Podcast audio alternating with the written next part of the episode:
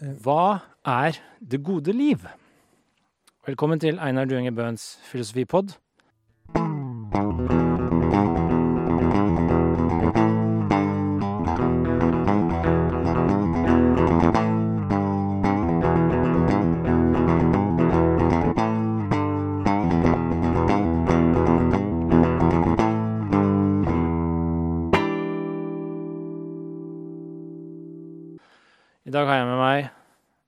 Venn og kollega Håvard Løkke. Velkommen. Takk. Kan du si litt hvem du er? Jeg er venn og kollega av deg. Ja. Og så er jeg gresk filosof, på en måte. Så Norsk, da. Jeg er norsk, og så Ja. Ja. Eh, Men har drevet med sånn greske tekster eh, lenge. Ja. Og gjør det litt her på UiA. Du har vært med og oversatt Platon og Aristoteles til norsk. Ikke Aristoteles foreløpig, men det kommer snart, til neste år. Driver med det. Eh, fysikken oversetter jeg nå. Ja.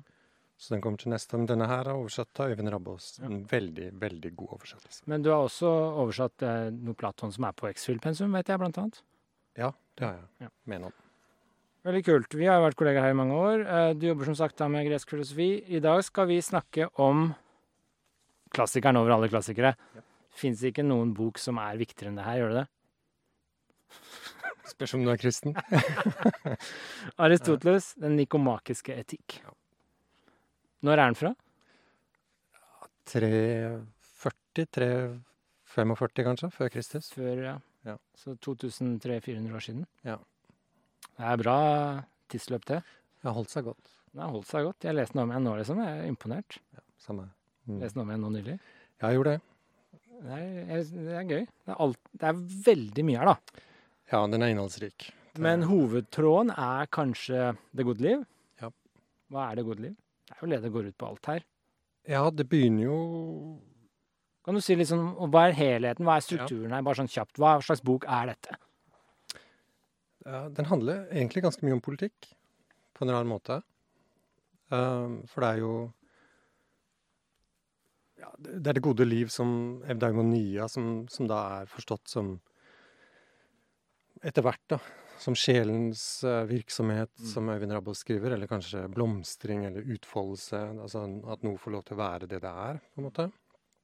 Uh, mennesket får lov til å være det det er. Utfolde seg. Um, og det kan vi jo ikke gjøre i ensomhet, som Aristoteles sier. Vi er, vi er gruppe sosiale mennesker. Sosiale dyr. Så Derfor er det ganske mye politikk i det, helt fra begynnelsen av. Ja, for det, det slo meg også. altså, Helt i begynnelsen så sier han liksom det politikken er liksom det høyeste, og så Ja. avslutter han hele boka med det også. Ja. Og bind to, skriver oversetteren, eh, er egentlig politikken. Ja. Så, og det har han rett i. Altså for det, eh, når du leser politikken, som er ja, bind to, om du vil, så, så sier han ja, vi har snakket om det og det, og det viser da til etikken. Så Mm. fortsetter han det samme undersøkelsen ut fra begrepet om fellesskap. Så mennesket er et politisk dyr.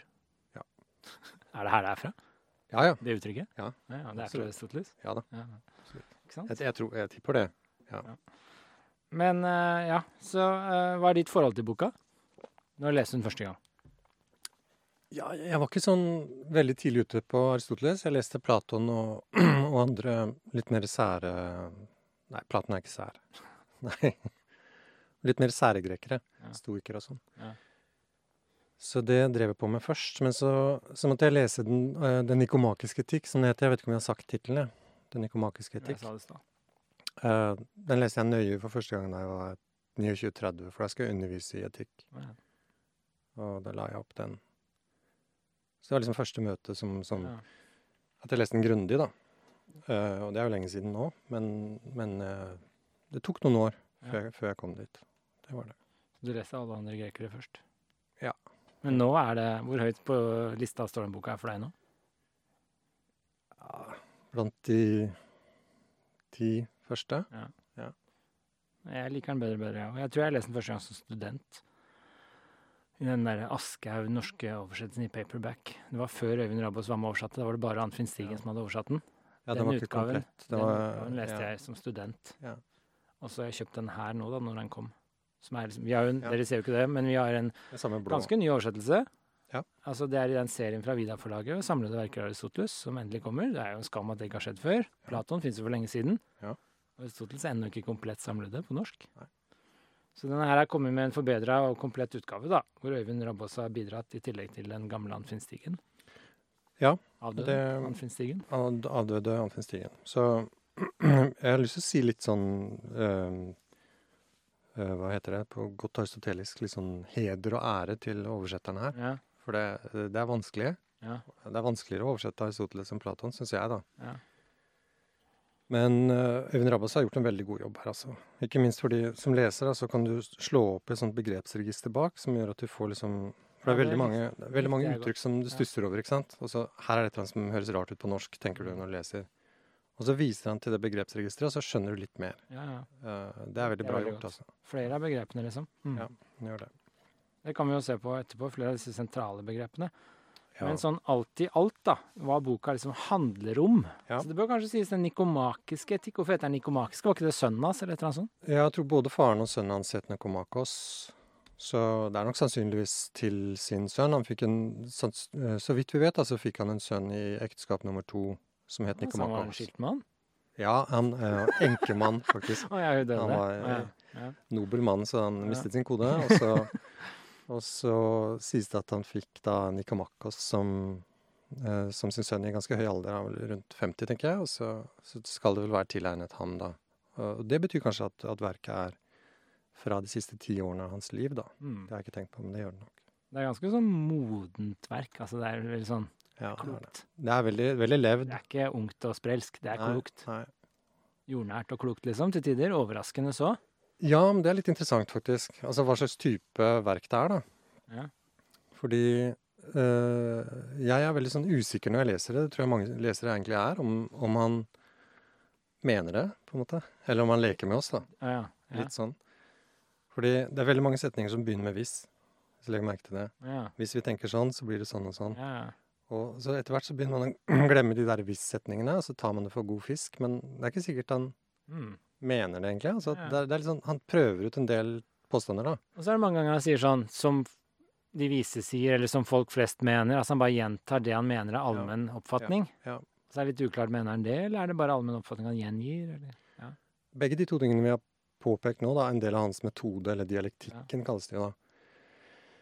At han egentlig undersøker ting som folk tenker og sier og gjør, som liksom fenomenene, som det kalles. Og så undersøker han dem for å se om de henger sammen. Det er litt sånn som Sokrates gjør, egentlig, bare at han gjør det bare i samtale med folk, da. Ja. Men Aristoteles er mer liksom, sånn kulturhistorisk, han er opptatt av historien og tradisjonen og hva folk har gjort før og sånn. Så Men dette er vel strengt tatt ikke en bok? Er det ikke notater? Eller er det en bok? Flere av Aristoteles' tekster er det egentlig notater, og mange av bøkene hans har jo blitt borte. Det som han refererer til som ferdigbøker. Ja, de, de har blitt borte alle sammen. Så uh, ingen av de Aristoteles-tekstene vi har, og som vi skal gi ut nå, de, de, er, de har liksom ikke fått sånn godkjentstempel fra forfatteren. Nei. Dessuten så var de jo borte fra Vesten i mange hundre år, og, så dette er oversatt fra arabisk. Altså det er en veldig sånn lang eh, teksthistorie bak da, som gjør at det er Så når vi henger oss opp i ett begrep, så kan det ha vært liksom vaska ut sju ganger før vi Det er en viss fare for det, altså. Ja, ja, ja. Så sitter jo og dveler ved den lille nyansen, og så ja, ja så sto det egentlig noe helt annet. noe helt annet. Ja. Ja. Det er kjedelig, da. Det er litt sånn desillusjonerende å høre, ikke det? Det er litt uh, trist, egentlig. Ja. Når man sitter med detaljer, så kan det være Men det kan være nyttig for oss allikevel, da. Ja, det kan jeg. Men det er jo sånn strukturen i boka, så er det jo ti bøker, er det det? Ti kapitler. Ti kapitler eller bøker, eller ruller, da. Sånn i Ja. antikken så hadde man liksom rullene med seg. Ja, altså var ti forskjellige ruller. Ja, jeg tipper det. Det samme som i staten. staten. Platons staten altså ti ruller, liksom. Og da fikk man sikkert plass til ti ruller i en sånn pilkogge eller noe sånt, som Ja. man gikk rundt med, da. Hadde med deg rullene. Liksom. Det er jo veldig kult, da. Ja. Vi går rundt med bøker, de gikk rundt med ruller. Ja, jeg, jeg, jeg er ikke helt sikker på dette her, altså hvordan det ble gjort, men jeg tipper at det er altså, Biblioteket Alexander og sånne ting tror jeg består av ruller, da. Ja, det ligger sånn inn i ja. Ja. Men strukturen er liksom Bok én snakker om det menneskets høyeste gode. Vi skal gå gjennom her, da, men bare sånn alt i alt. Høyeste gode. Karakterdyder. Ja. Frivillighet. De enkelte dyder. Ja. Og intellektuell dyd. Karakterstyrke, svakhet, vennskap og nytelse, lykke, etikk og politikk. Ja. Det er titlene. Ja. Og den røde tråden er vel det gode liv. Hva er det Ja. som skal til for å leve et godt liv? Det er det det er. Så alt det du nevnte nå, er, eh, er vel på sett og vis alt det som Aristoteles mener at et godt liv må inneholde. ikke sant? Ja. Det er vennskap, og det er Vi bør kanskje snakke litt om dyder, Ja, vi må det. hva det er for noe. Vi må gjennom mye her. Så vi får nesten bare begynne, tror jeg. Ja. vi begynner der, da? Men vi kan vi Har, du, har vi snakka nok om det med gode og sånn? Nei, nei, vi må begynne litt på det gode, tenker jeg. Fordi det viktigste skillet han begynner med, er jo Ikke sant, det er liksom Han sier noe som var den første kjente, veldig kjente setningen her, ikke sant? Eh, Ja. Skal jeg bare slå opp her. Det er jo Enhver kunde og enhver undersøkelse. Ja, så her. Og Her. likeså enhver handling. Ja. Skal du ta den? Ja. Du kan Ja, vil du lese den? Enhver kunde og enhver undersøkelse, og likeså enhver handling og enhver beslutning, menes å søke henne mot noe godt. Der er det minst fem sånne superhits-begreper. Ja. Så det er tekne, det er kunden, og så er det ja, undersøkelse, jeg husker ikke metodos, tror jeg, og så er det handling, praksis og praeresis, beslutning, og så er det det gode. Alt søker mot det godt. det er et mål, ikke sant? Så uansett hva vi gjør, så søker vi mot noe godt. Ja, egentlig på en måte. Og av denne grunn er det gode med rette blitt kalt det alt søker hen imot. Det var en sånn kjent åpning. Det er det. Eh, Så alt vi gjør, søker mot noe godt. Ja. Det er i hvert fall påstanden. Og dette, går- da gjør han et veldig sånn viktig, sånn interessant metafysisk skille òg. Altså, hvis vi søker mot noe godt, Mm. så er spørsmålet sånn Han skiller mellom to typer goder. Denne instrumentelle gode, dette vi søker for å oppnå noe annet, Mm. og dette som er godt i seg selv. Ja. Uh, og det er et veldig sånn viktig skille som ligger bak veldig mye av det han gjør, da, Det det. tenker jeg. Altså sånn? Noe har verdi og er godt fordi det leder til noe annet, f.eks. penger. Mm. Søker penger. Hvorfor gjør vi det? Jo, fordi da kan vi bruke det til å kjøpe noe annet. Mm. Mens uh, noen ting søker bare for dets egen skyld, ikke for å oppnå noe annet. Mm. Og hva er det? Det er det han spør etter, da. Ja. Det er jo det. Det er liksom det ultimate gode alt søker hen imot, ikke sant? Ja. Sånn, i, i, latinsk, I latinsk språkdrakt så er jo dette sett på som the summum bonum. De snakker om det som det endelige eller det høyeste gode. Mm. Så det er ikke bare det gode, men det er det gode som er på slutten av den lange veien hvor du bruker alle mulige slags hjelpemidler for å få det godt. Mm. Så hva er det du sikter mot? Fordi tekne er jo bra, ikke sant? Ja. Men vi bruker på en måte fagkunnskap, eller kunden, da, for å bli flinke til noe. Og hensikten med at vi anstrenger oss og bruker mange år på det, er at vi søker noe godt. Og når du sier tekne, tekne nå bare til lyttere, tekne er liksom en slags kunden. Det er en slags det å kunne noe, Ja. være flink til noe, klare å skape noe. Ja. Det kan vi komme tilbake til. Men dette ene gode, det gode liv, det er det, liksom det du skal søke i det gode liv. Sant? Dette ultimate, høyeste gode. Og det er Han sier det nesten med en gang. Ja, eudaimonia, lykke. Lykken er det oversatt som her, da. Ja. Eudaimonia er vel det greske begrepet? Mm. Eller hvordan uttaler proffene det? Jeg tror det var riktig. Ja. Daimonia tror det skal være et trykk på eh, nest siste stavelse. Ja, men det er liksom lykken. Og så sier han hvorfor er det liksom det gode seg selv? Jo, fordi du kan søke penger, du kan søke helse, du kan søke liksom fame and glory. Du kan søke mye for å oppnå noe annet. Ja. Men hva er det du søker når du søker lykke? Hvorfor gjør du det? Jo, bare fordi det er bra. Ikke sant? Lykke. Lykke. ja. Hvorfor søker du lykke? Jo, fordi lykke er lykke, liksom. Det er det du søker. Ikke for noe annet skyld. Søker ikke lykke for å oppnå noe annet. Nei. Men det, det samme argumentet kan man jo kjøre om nytelse, f.eks. Altså man kan bruke det. Altså du, du søker jo ikke nytte fordi det er eh, Unnskyld, eh, nytelse fordi det er for noe annet skyld. Og det ble gjort også her i bok ti. ikke sant? At det er en sånn strukturell likhet mellom de begrepene, nytelse og lykke. da, At de, de er egentlig det for viss skyld, om du vil. Ja, men det er, ja. man gjør ting, da. Så det er vel bestemte former for nytelse. Du Ja. søker for noe annet også. Altså, det er mange former for nytelse. Ja. Man skiller mellom, men det er ikke det på lykke, er det det? Lykke er liksom dette ene store gode, mens nytelse sånn som, Hvorfor søker jeg liksom nytelse? Jo, Mm. det er jo fordi det er bra, det er godt, men det er jo også Mm. fordi det antageligvis er med på å gjøre meg lykkeligere. Eller det er mange former for nytelse jeg kan søke, da. For noe annet. Det er jo det. Først og fremst så er det jo um, På slutten av bok én her så foregår det noe ganske viktig for å, for å svare på det der, de forskjellige formene av det ene eller det andre, nemlig det at sjelen består av forskjellige deler.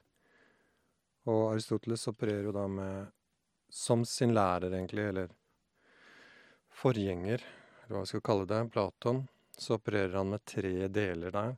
Litt annerledes enn Platon, men det er noe i oss som, som er eh, eh, som, som ikke skjer på grunn av noen grunner i det hele tatt, altså som bare skjer rent naturlig, sånn som fordøyelse og den slags ting. da. Neglene vokser, og håret faller ut og sånn. Det siste har ikke jeg opplevd. nå. Nei, jeg har hatt litt mye av det. Uh, Ja. og, men da, hvis man da spør hvorfor, hvorfor, så får man ikke noe svar, for det er ikke noe svar på det. Men så er det en del, en del av deg selv som er midt imellom, da, sånn som Platon også snakker om det midt imellom, det temperamentet som forekommer ganske mye i teksten her òg, hos Aristoteles. Det er det som lytter til fornuften. Og da er liksom fornuften, eller grunnen, eller hva man skal kalle det, de er da eksterne, sånn som du lytter til din far, som Aristoteles sier, da, når du er ung. Um, og så kan du lytte til statslederen per i dag, og, sant, av gode grunner, men da, da beveges du av grunner som ikke er dine egne, men du blir fortalt. Du Mm. adlyder noen. Og det er en annen type del av sjelen som gir respons på det. Og så er det det at vi tenker sjøl. At vi finner ut våre egne beveggrunner, det som motiverer oss sjøl. Som kommer innenfra, da. Det gjør jo alt som lever i naturen, beveges innenfra av seg sjøl. Mennesker gjør det på en litt spesiell måte, ikke sant? ved at de foretar beslutninger og Det er fornuftsoverveielser Ja. involvert Ja. i når vi gjør noe, mens en plante så er det bare instinkt. Det, det er uh, Vi kan sikkert sammenligne med noen dyr, i hvert fall det vi vet om dyr i dag. Uh, og Aristoteles er litt mer åpen for at måten dyrene beveges på, eller motiveres på, er ganske lik oss, da. Uh, mens andre filosofer trekker et ganske grovt, eller veldig tydelig skille mellom mennesker og dyr. Ja. Men Aristoteles ser et slektskap der, egentlig. Så, men det kommer ikke så veldig tydelig fram i denne teksten her. Men de tre måtene å motiveres på, eller beveges på, da, de fører jo til forskjellige nytelser, og kanskje også forskjellige lykker. For det er jo en viss lykke, kan du si Hvis man sier at man har en lykkelig fordøyelse, går kanskje an å si det òg? Det går bra, liksom. det går bra. Jeg kan ha dårlig fordøyelse. Ja, man kan ha veldig dårlig fordøyelse. Ja.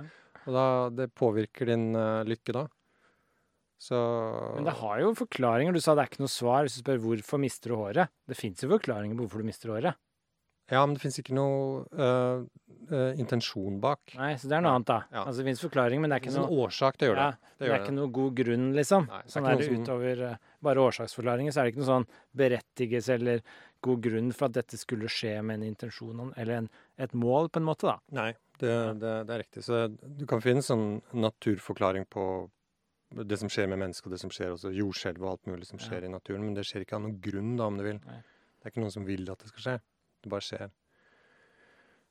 Og så ehm, Men de kanskje viktigste eh, forskjellene på typer av lykker, da, det er jo den delen av oss som adlyder fornuften, og som er sosial. Som er den politiske delen av oss, om du vil. Den sosiale delen. Den har jo dyd som sin lykke. ikke sant? At du lærer deg alle disse Utvikler og tilegner deg alle de egenskapene som gjør at du fungerer veldig godt som sosialt. da. Ja. Rettferdighet og mot og måtehold og vennlighet og alt dette. Og det er den delen av deg som egentlig adlyder fornuften. da.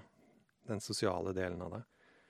Mens den rene delen som styres av sin egen tenkning, den har en høyere form for lykke, og det er liksom kontemplasjonen eller betraktningen, som det står her, da. Ja, så det høyeste gode for mennesket er liksom, og sånn jeg leser Aristoteles i hvert fall, så er det høyeste gode er jo å realisere det som på en måte definerer det unike med mennesket. Og Ja. det er på en måte fornuften og tenkningen vår som vi har som ranger over dyrene.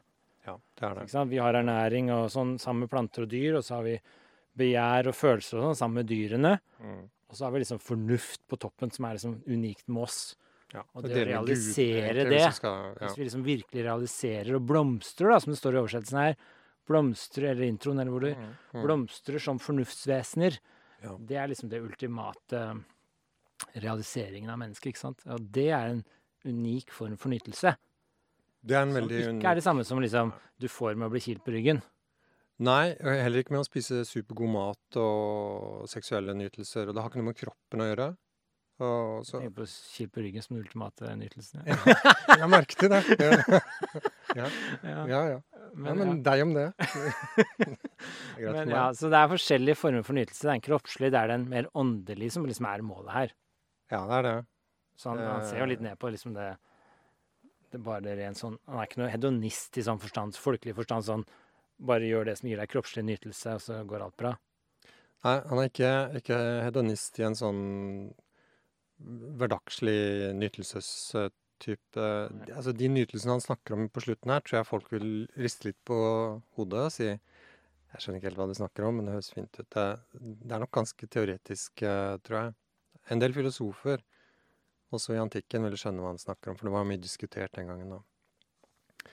Men altså, der er det noe som er ganske interessant, og det, det er dette med om um, Uh, gitt dette Dette er tema, ikke sant? Uh, nytelse uh, Unnskyld, lykke, eudaimonia. Mm.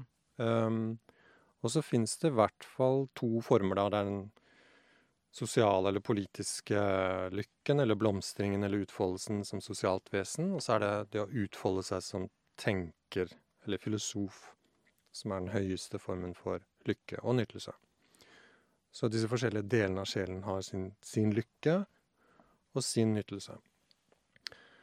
Og da kommer jeg liksom tilbake til det der om, om alt dette som Aristoteles da skriver om vår sosiale lykke, og liksom normene for å lykkes eller være vellykket i samfunnet, da. Mener han det, eller? Altså, jeg, jeg er ofte litt i tvil, faktisk. Prøver han å Du vet, Platon prøvde jo liksom å skape et nytt samfunn, altså nye normer for samfunnet, og sier at samfunnet er så korrupt at vi må bare glemme alt vi har lært. Og særlig det poeten har fortalt oss og alt mulig sånn, for det er um, helt sånn Hva skal vi si Hva heter det? De, dekadent. Ja. Det er veldig dekadent. For mye av nytelsessyken som, ja. som styrer da. Forfall. Kulturelt forfall. Folk, kulturelt ja. forfall. Og det, der er Platon veldig i staten, ikke sant? Og dette verket her, pluss politikken da, som kommer seinere, er jo Aristoteles versjon av samme prosjekt. da. Og så lurer jeg liksom på hvor revisjonistisk eller konservativt er det egentlig, sånn til syvende og sist. Um, og det En ting som jeg har stusset over når jeg leste om igjen nå et, Det er noen år siden sist, men det jeg la merke til nå når jeg leste det, var at det er en god del skal vi si, konservative elementer. Sånn folk sier det, og det må de ha rett i, og her er det en lang tradisjon som vi må ta hensyn til. og Den holdningen går veldig mye gjennom teksten. Mm.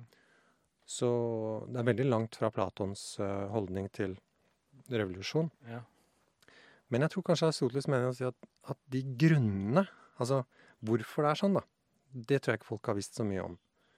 Så noe av poenget tror jeg er at uh, noe av poenget med verket da, ser for meg ut til å være at uh, alle disse praksisene som har etablert seg over veldig, veldig lang tid, de har mye for seg. Men nå er det om å gjøre at vi forstår hvorfor. At vi må få en slags sånn forståelse av hva det er med dette som er bra. Så i stedet for å si hva vi bør gjøre annerledes, så prøver han først å begrunne det vi faktisk driver med? Ja, mm. han gjør det. Og, og, jeg tror nok en av grunnene til at han prøver å Eh, begrunne hvorfor dette er bra, eller hva i det som det er bra. Det er, noen ganger så setter han ned foten ned og sier at dette har vi drevet med i flere hundre år, og tyranner og alt mulig sånn, det er veldig utbredte ting. Men det må vi slutte med. Sånne ting sier han jo noen ganger òg, ikke sant. Det er liksom den dekadente en, Og han har veldig negative ting å si om ikke-grekere, ikke sant, fordi de, er, de har en annen kulturell ballast, da, ifølge ham. Um, men, eh, men uh, må huske på at uh, den greske bystaten, som Aristoteles mener er helt nødvendig for å leve dette gode livet, den var i ferd med å bli borte ikke sant, på Aleksander den stores tid. Imperiene begynte å komme. ikke sant? Så jeg tror Aristoteles skriver litt om hva det er som er så bra med det livet vi har hatt. Og hva som er verdt å ta vare på. Litt sånn som de konservative i dag begynner å fortelle om liksom når det er store forandringer på gang, så er det sånn De prøver å si sånn Ja, men bare se hva som var bra før, ikke forkast ja. alt så veldig fort. Ja. Ikke sant? Det er en slags konservativ holdning, da, hvor du ja. forsvarer det som var, fordi du påpeker Ja, det har vært mye dumt, men se også det bra i det. Det er ingen grunn til å kaste alt over bord nå. Så i store omveltninger så kommer kanskje en konservativ mer til frem. da, Aristoteles er jo litt sånn de konservatives filosof på mange måter. Ja, det, i hvert fall så, i England så er det jo sånn at uh, de, de kaller han for sånn our near contemporary Aristotle. Ikke sant? De leser han som kommentator på en måte i EU-debatten osv. Uh, men uh, jeg tror det som Hvis vi forstår det i sin historiske kontekst, da, så er det nok eh, viktig for Aristoteles å, å forsøke å utvikle en forståelse av av um, hva det er i tradisjonen som er verdt å ta vare på, som Ja. du sier. Uh, ikke for sin egen skyld, men fordi det har over lang tid, gjennom erfaring, uh, manifestert noe som er viktig og godt. Mm. Sier, la oss se litt sånn på noen av de konkrete begrepene han er opptatt av, da, sånn Ja. som lykke. Han sier jo hva han mener med lykke. Ja, han gjør det. Eh, bare først, hva tenker du på som lykke? Sånn i dag, liksom. Glem Aristoteles nå. Hva Ja. tenker du på som lykke i dag? Um, En setning, ikke noen lange, kompliserte ting. Nei. det er vanskelig. Ja, men ikke sant? En når er det jeg har det bra, da? Ja. Når er det jeg er lykkelig? For det, er- hvis det er det du spør om, når, er, når har du det bra? Ja. Altså, eh, jeg liker jo ikke så mye konflikter og sånn. så, eh, så hvis eh, folk er venner, Mm. eh, og det er god mat, og god musikk og sånn Det er hedonist, egentlig. Ja, litt sånn. Men ikke sant? en måte å forstå lykke på er sånn denne varige En slags vedvarende tilfredshet over situasjonen din. Det er en bestemt type tilfredshet over situasjonen din. Da er du lykkelig. Men du skulle liksom- ikke svare så avansert. Du skulle Å ja, nei, men det er en setning. Det ikke avansert, det er en setning. En, vedva eller en, en, en tilfredshet over din generelle situasjon som varer litt, da. Ja. Ikke bare sånn lykkeøyeblikk, sånn nå er det helt topp. Men liksom sånn Det går en litt viss tid, og du har Ja. det helt topp, egentlig. Ja. Det går bra. Ja, den tilfredsheten er ofte litt sånn at man er lykkelig. Ja. Men det er jo ikke akkurat det han tenker på som lykke her. Altså Denne lykken han definerer, er ganske idealisert, så vidt jeg kan forstå. Ja, den er det. Eh, Og hvordan definerer han det? Husker du det, eller skal jeg Nei, du må lese det. Eh, Han sier vel at eh, lykke er vel å Altså, det er vel eh, å leve i henhold til dyd. Å ja, ja, den, ja. Ja, ikke sant? Altså, det er, det er sjelens virksomhet I i, tråd med dyden, ja. Så lykke er sjelens virksomhet i henhold til dyd. Ja. Og hva betyr det? Det vil jeg vi skal snakke litt om. For det er veldig sånn Ja, hva betyr det? slående og kul setning som på en måte Mm. er litt kjent, og som vi må se litt på. Altså, Ja. lykke Han sier først ikke sant? Det fins det gode som vi gjør for noe annets skyld, og så fins det det som er godt i seg selv, som vi bare gjør fordi det er godt. Ja. Og det er lykken. Ultimate tingen der er lykken. Ja. Og lykken, det er sjelens virksomhet i henhold til dyd. Og sjelens virksomhet er liksom den fornuftsbiten som vi var inne på tidligere. ikke sant? Altså Det er den der, Mm. Det som gjør oss til mennesker, ikke dyr, at vi kan tenke fornuftig, på en måte. Mm. Og det å blomstre som det, Mm. Ja. er på en måte lykken, egentlig. Ja. Og ikke bare skal du blomstre som fornuftsvesen, men du skal gjøre det i henhold til dyd. Ja. Så da må vi se litt på hva dyd egentlig er. Ja. Eh, Men poenget nå er bare at denne lykken er jo ganske idealisert, for det første. Og for det andre så er det ikke nødvendigvis slik at uh, lykken er en subjektiv opplevelse. Det er en ganske sånn objektiv greie her. Det er en Så objektiv greie. Det er Det er en formel du faktisk skal oppfylle, og da er du lykkelig om du vil eller ikke. Ja, det, det går fullt an. Altså, i, I dag så, så er det vel kanskje også mulig å si at en person er liksom subjektivt eller erfaringslykkelig uten at de vet det. Ja. Det går vel an også hvis du har i, i ja, manglende bevissthet eller manglende oppmerksomhet eller nærvær eller noe sånt. Så, men i Aristoteles er det vel veldig mulig Ja. å være lykkelig uten at du vet det. Ja. Um, Og det er litt sånn kjent omvendt. Ja, men det er litt sånn lykkeparadoks, ikke sant? Altså, jo mer du tenker over at du er lykkelig, antageligvis mindre lykkeligere blir du. Ja, ja. Nytelses-lykkeparadoks. Ja. Du bør liksom ikke tenke for mye på det. Og nå er jeg så lykkelig. Det er Nei. ikke bra. Du bare gjør det, liksom. ja, det er sant. Ti still. Ja. Det er litt sånn med nytelse, litt sånn med Ja. mening, det er litt sånn med lykke. Mange av disse begrepene er litt Mm. sånn. Så her gir den en formel på hvordan du skal oppnå det gode liv. Ja. Du skal leve eh, Du skal, du skal eh, Ja, Du, skal, altså, du bruker sjelen, Sjelens virksomhet skal være i henhold til dyd, da. Så Ja. du, din fornuft, din tenkning skal være i henhold til dyd. Ja, men det, det er ikke bare tenkning. Altså fordi um, virksomhet, hvis du tar det først, da. Det er jo kjempeviktig metafysisk begrep her. fordi det rare er at metafysikken til Aristoteles, dette med eh, tilstander og, og virksomheter og sånn, den kommer helt i begynnelsen. og, og av, av denne boken her, da, som handler om praktisk filosofi. ikke sant? Mm. Så det- det ser nesten ut som at Aristoteles eh, liksom OK, jeg skal bli fanget veldig i en sånn metafysisk språk og si at du kan ha en sånn potensial av å gjøre noe, og så kan du aktualisere det, og da er det best. Han begynner jo der. Og så summer han seg og sier altså, Å, sorry, men dette skal jo handle om etikk. Altså han trekker seg liksom eh, tilbake til Men eh, eh, dette skal være en praktisk filosofi. Mm. Og så sier han da i fortsettelsen at eh, vi må, eh, når vi driver med praktiske ting, så må vi være opptatt av det som er stort sett sånn og sånn. Vi kan ikke søke den formen for lovmessighet som du har i metafysikken eller sånn, for det er ikke den slags type objekter vi har med å gjøre. Men det vi har med å gjøre, da, det er allikevel det som heter virksomheter. Mm. For virksomheter er best. Det sier han i første setning, eller andre setning. Og det aller beste er når du får et resultat av den virksomheten, sier han. For da er resultatet enda bedre enn virksomheten. Så da kan du si at du si at du kommer i en tilstand, sånn som du, da. Kommer i en tilstand av å male, og så får du til et fantastisk bilde. Eh, da er det beste er det bildet. Ja. Det tror jeg er det. Det det er liksom produktet av din utfoldelse som billedkunstner. Ja. Eller tilsvarende når du skriver. Ja. Så, så når sjelen har sin utfoldelse, så er det ikke bare som tenkning, men det er jo i alt, alt vi driver med som sjelevesener. Handling og produksjon og tenkning. Og når det får utfolde seg fritt, uten hindringer, da for det første er det den høyeste formen for nytelse og lykke. Men det må være i henhold til dyd. Det kan ikke være uten hindring. Altså, du kan gjøre det på dårlige måter, Ja, det kan du gjøre. så det må være på en bra måte.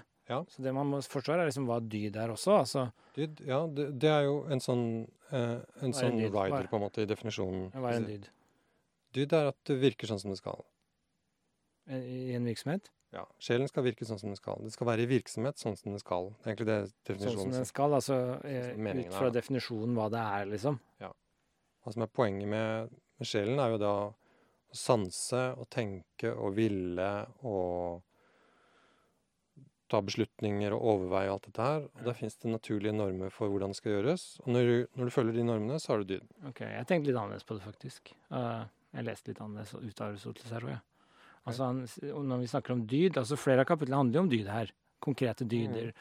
Altså Han sier vel på et tidspunkt at dyd er de karaktertrekk, eller de holdninger vi har, som er rosverdige. Ja. Ikke sant? Slik at det må være noe positivt. Det kan ikke bare være at vi lever ut sånn vi er, men vi må liksom leve det ut på en rosverdig måte. Det må være verdig ros, ikke ris.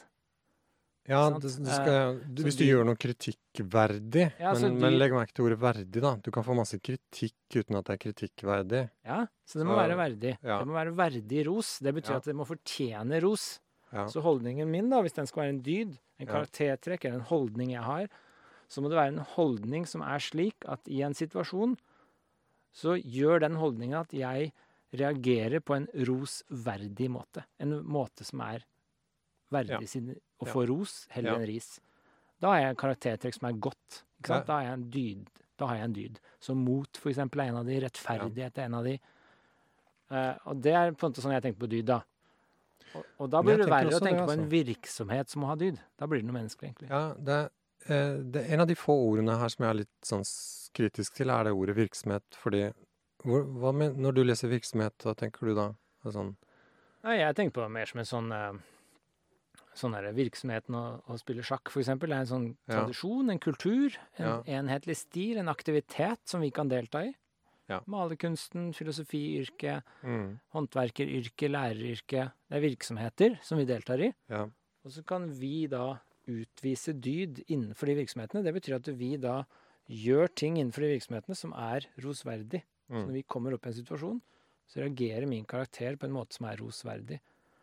Og laster er det motsatte. ikke sant? Da reagerer du på måter som vi tenker dette fortjener mer ris enn ros. Ja. Men jeg tror, jeg tror at oversettelsen virksomhet kanskje kan være litt villedende på det. Ja. Fordi, og en av Men dyd, er dyden Tenker du sånn at det er riktig det jeg sier om dyd? Ja, jeg, jeg tenker at det er helt riktig det du sier om dyd. Og så tenker jeg at du sa det samme som jeg sa, ja. men vi brukte forskjellige språk. ja. Og så, jeg jeg husker ikke hva du sa heller, men, Ja. men uh, hvis vi tar det en gang til, da. Vi Ja. kan nærme oss det fra en ny vinkel. Ja. Fordi um, uh, Du kan tenke og spørre sånn Hva er poenget med å ha en dyd? Hvorfor er det så viktig? For det koster jo ganske mye krefter, tid og krefter, å tilegne seg disse egenskapene, ikke sant? Mm. Det er mot og måtehold, for eksempel, og, og så har han en, en god del spesielle dyder som vi syns er rare i dag. Sånn storslagenhet og disse tingene som kommer seinere. Er det skam. Ja, Han nevner vel skam? han nevner så vidt skam, men, øh, men jeg tror ikke han ser på ære som dyd. Men ære er den største verdien involvert i det å søke anerkjennelse eller ros. Ja. Så, så det er noe ærefullt. Det er vel skammen jeg tenkte var litt sånn rart at han nevnte som sånn dyd, men Ja, jeg syns også det. Men det, det kommer som en sånn tillegg på slutten der. Så jeg, jeg fikk ikke helt det til å stemme. Men hvis vi tar de enkleste karakterdydene, da. For det heter jo karakterdyder til forskjell fra de intellektuelle dydene, som er fornuft og, og praktisk klokskap og sånn.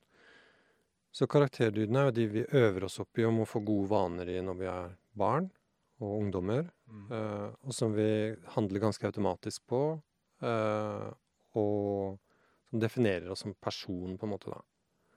Um, og der er det om å gjøre å utvikle evner i forhold til de utfordringene som livet har. Sånn tenker jeg på det, i hvert fall. Alle kommer til å møte farer, ikke sant? Alle kommer til å møte fristelser. Mm. Alle kommer til å få møte utfordringer som har med fordeling eller straffing å gjøre. Så da må du ha mot som dyd for farene. Så må du ha måtehold for å ha riktig forhold til fristelsene. Mm. Ikke for mye, ikke for lite, ikke sant? Også når du skal fordele ting eller straffe, eller sånn, så må du ha utvikle rettferdighet. Og disse tingene diskuterer Aristoteles veldig i dybden, ikke sant? Men de er jo da øh, virksomheter, da. Det å forholde seg til fare. Du kan si at det er et, en virksomhet som soldat. Og det å forholde seg til, til karaktersetting som lærer må være rettferdig. ikke sant? Så det er alle disse virksomhetene.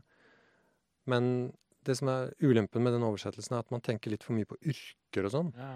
Og det tror jeg ikke er riktig. For det, det er, husk på at det er sjelens virksomhet. Det er sjelens utfoldelse. Ja.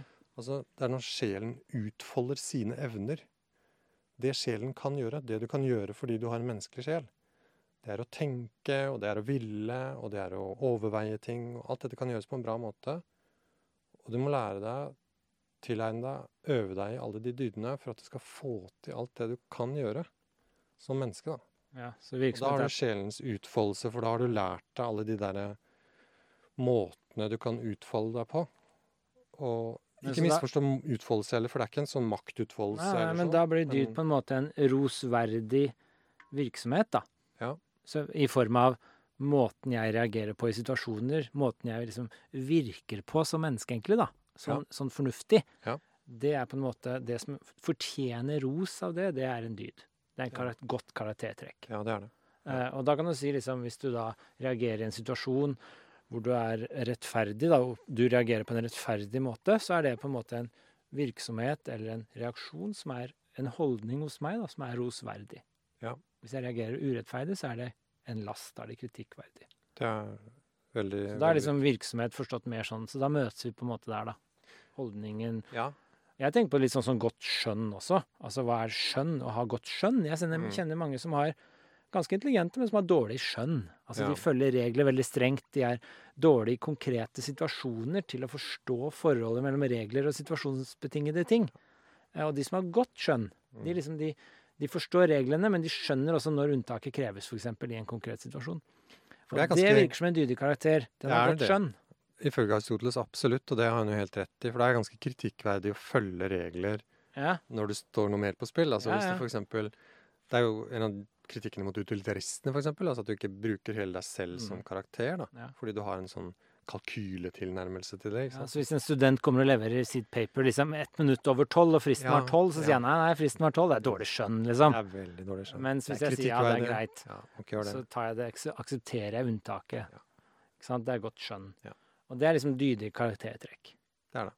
Holdninger, virksomheter av mine, av våre, ikke bare mine, Nei, ikke bare våre uh, utøvelser. Ja. Ikke sant? Altså, det er en interessant forståelse som jeg syns er ganske sånn fornuftig, da. Ja. Eh, holdning, eller sånn å tenke på mennesket som, da. Hvordan vi reagerer og sånn. Jeg, jeg syns det er en, nesten et vakkert bilde av mennesket. Ja, fordi- altså, det er en stor grad av frihet og ansvar som balanseres veldig fint. Ja. Altså at uh, Det er en veldig tillit til at mennesket er en type dyr som, som, eh, som kan finne fram, Mm. ikke sant? Hvis det bare har en, et godt samfunn rundt seg og ikke blir Det er disse hindringene som man en del ganger snakker om, da. Som, som kjører mennesket litt på, på avveier, og som gjør at vi blir redde eller eh, feige. Um, ja, det er kanskje det samme. Late. Ja. Sånne type ting. Men alle disse skal også være med måte. ikke sant? Det er her den gylne middelveien kommer inn, som han er så kjent for. Altså Ja. ikke for mye, ikke for lite. Ja. Alt med måte. Ja. Så liksom det er sånn som ikke krev matematiske standarder etikk, og ikke bruk etikk til å løse matematikk. Alt med sin metode. Ja. Samme med liksom dyder. Ja. Ikke, ikke vær for overmodig, men ikke vær feig heller. Nei. Du skal alltid balansere. Ja. Og det er sånn jeg ser på det som å ha godt skjønn. da. Altså Du skjønner når nok er nok. Mm. Du skjønner når du har pusha deadline langt nok. Du skjønner når du har erta Ja. unga dine nok til at de liksom Nå, er det, nå, er jeg, nå må jeg skjerpe er meg. det. Ja. Det er liksom, Du skjønner grensene, og Ja. da har du godt skjønn. Men hvis du på en måte går for langt, da har du dårlig skjønn. Mm. Og de karakter, gode karakterene, de er jo desto De er liksom den gylne middelveien. De, de vet akkurat passe. Nok er nok. Nå, liksom. Gjør jeg dette. når, er det, når har du mobba barna dine nok? Nei, jeg tenker at du må herde dem det litt. fra person til person? Ja, litt. altså situasjonen, altså Jeg må herde dem litt, så du må plage dem litt. Kan ikke bare gå hyggelig, for verden er røff, liksom. Så jeg må plage dem litt. Men ikke for mye sånn at du blir en ond far, liksom. Du må pushe dem litt. Litt ond. litt ond av Ja. eller Morsom, humoristisk ond av og til. Men eh, det tenker jeg er veldig sånn fornuftig. Og dette er jo også litt sånn Aristoteles sier om frivillighet og frihet, som jeg syns er litt interessant. Det er jo at det, Ja. når vi liksom Vi er egentlig friest når vi får lov til å være på vårt dydigste. Mm. Så når jeg får lov til å utfolde meg som menneske og fornuftsvesen på en dydig måte med gode karaktertrekkene, og vet akkurat når nok er nok og sånn, Mm. da er jeg på mitt frieste. Mm. Men hvis jeg går hen og liksom går altfor langt med Drikker altfor mye, liksom, så er jeg mer ufri.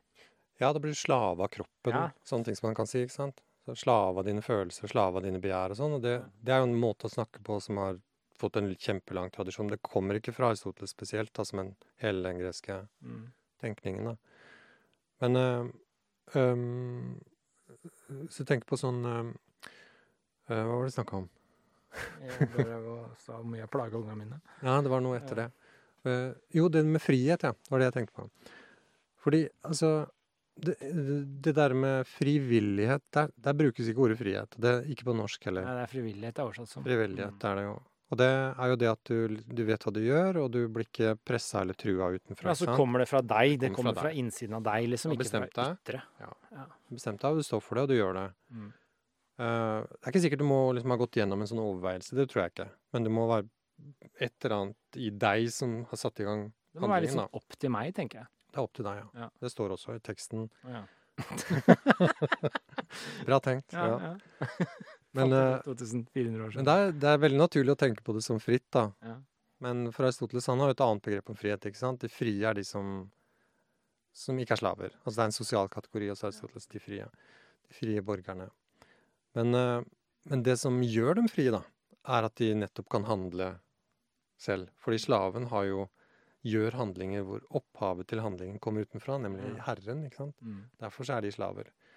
Og hvis vi handler som altså Hvis vi utfører våre virksomheter, da, for å bruke det språket, som om vi var slaver, så kommer da handlingen fra kroppen, eller det kommer fra et eller annet sosialt press der ute fra. oss. det kommer ikke fra oss sjøl, da. Ja. Da er vi ufrivillige. Og det er jo en, si, en av de hindringene mot det å leve et godt liv. Altså at du utfører masse handlinger og føler masse følelser også, som ikke er dine. Ja.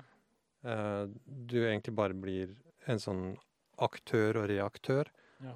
Men du kan jo, du kan jo få inspirasjon og befalinger og, og anbefalinger og, og, og sånn utenfra, men du må på en måte bifalle det selv. Ja, det må gå gjennom. Altså hvis, hvis- Hvis din far forteller deg noe, sier hva du skal gjøre, mm. og så overveier du det, og så sier du ja, det skal jeg gjøre, fordi det er det mest fornuftige, da er det fortsatt frivillig. Ja, altså det, det er til og med den voksenversjonen som du nå forteller, den er jo absolutt frivillig. Ja. Men til og med før du overveier og bestemmer deg for å gjøre det han sa, Ja. så er det også frivillig. Så det er liksom kanskje, kanskje begrenset til hvor fritt det egentlig er, når jeg tenker meg om. For den frivilligheten er jo det et forutsetning for at du kan stilles til ansvar, og at du kan kritiseres at det er prisverdig eller ikke. Mm. Sånn som du var inne på i stad. Kritikkverdig eller rosverdig. Og du er ikke kritikkverdig å gjøre noe som du ikke visste hva du gjorde, eller at noen tvang deg til å gjøre det. Mm. Altså at eh, hvis, sier, hvis det er noen som sier at eh, ja, eh, hvis ikke du tenner på det huset, så dreper jeg hele familien din. Ikke sant? Sånn, den type press, da. Ja. Så ville det være en sånn blandingssituasjon, som Aristoteles sier. At den er delvis frivillig og delvis ufrivillig. Og det appellerer til vår At vi mer syns synd på personen enn at vi bebreider person- personen for det de har gjort. Og noen ganger så er det sånn at du ikke i det hele tatt er med på det, er ikke opp til deg, den handlingen som skjer. Og da kan du ikke roses eller kritiseres. Nei. Så det er vel poenget i det. Men det frivillige som kan Altså når du kan roses for du overveier, bifaller og tar valget, Ja, det er ikke nødvendig. og det er Hva er det som ikke er nødvendig? Hele den prosessen der. Du kan være frivillig uten det. Som voksen så gjør du nok det. Men du stiller barn til ansvar selv om de ikke overveier og velger Ja, osv. for videre For det kommer fra dem, ikke han har sant? forskjellige nyanser på frivillig, og ja, stemmer Ja. det. Har det. Mm. Men det optimale, er det, er det optimale liksom også at jeg omfavner mitt eget valg og følger fornuften på en måte som gjør at jeg er prisverdig? Er ikke det en ultimate frihet? Det er sånn jeg leser det. Ja, men det går litt på det derre lykkeparadokset som du var inne på i stad. Fordi jeg tror kanskje du har rett i det at, eh, at for Aristoteles så er det veldig sånn eh, Det er noe flyt, da. Lykken har noe sånn flyt over seg. Du er i veldig flytsonen, ikke sant. Så hvis du da stopper for å overveie og finner om grunnene dine er gode nok, og veier for og mot og sånn, så er det en eller annen hindring som kommer inn i den utfoldelsen. Så da blir du Du blir ikke ufrivillig, men du blir mindre lykkelig, tror jeg. Så den karakteren som er liksom optimalt eller maksimalt dydig, da, som har tilegna seg en fronesis eller den klokskapen eller dømmekraften, den personen gjør det sånn helt på sparket. Og Ja, og, kjenner veldig tilfredshet med det. ja, for den gjør det på sparket, men det er vel fordi den er trent opp Ja, ja, ja. på riktig måte. ikke Ja, det det å være dydig og, og, og være liksom Å blomstre som menneske og være dydig, det handler jo om at du du har lang erfaring. Ja. Det er en viktig greie for Aristoteles. Altså, Ja. Han sier de unge, ivrige kan være kjempesmarte, men de er ikke vise. De har liksom ikke den lange erfaringen, mens de gamle kan være litt treigere, men de er vise, de er kloke. ja. For de er erfaringsbasert Ja. kunnskap, og da har de også bedre skjønn, gjerne, enn de unge som er veldig ivrige, ikke sant? Ja. Slik at det er jo Den dydige er ikke noe du oppnår før du har et langt liv, egentlig. Hvis du vet at du oppnår det ultimate. Nei, altså du øh, Det er jo litt sånn moralsk arbeidsdeling ute og går her. Det er ganske mye av det. Altså, Respekt for de eldre. han, han har absolutt respekt for de eldre. Um, men der er han kanskje litt mindre glad i de gamle enn Platon var. For, Platon mente jo at du måtte være minst 50 for at det var noe vits i å høre på deg. Ja. Og du må ha studert 20 år matematikk Ja, og musikk og det der treningsprogrammet i staten. da. Jeg liker det. Ja. Du er så vidt 40. Ja, Ja. ja. Jeg er Nei, 50. Jeg syns alle er 50. favoriserer ungdommen hele tatt. Det er bare tull. De veit ikke Ja. hva de driver med. Nei, men, så, men Aristoteles er jo da enig med, med Platon i det at ungdommen styres jo av følelser, ikke sant? Ja. Og derfor så kan ikke de For det første så kan de ikke bli lykkelige fordi de er slave av kroppen. Ja, ja. De kommer utenfra. Opplagt sant. Opplagt sant. Ja, jeg er helt enig Ja. de gamlingene. Og så er det sånn at de um, uh, kreves veldig mye erfaring. Uh, skal vi si Habituering heter det vel på, på, i boka her, tror jeg. Litt sånn tilvenning, da.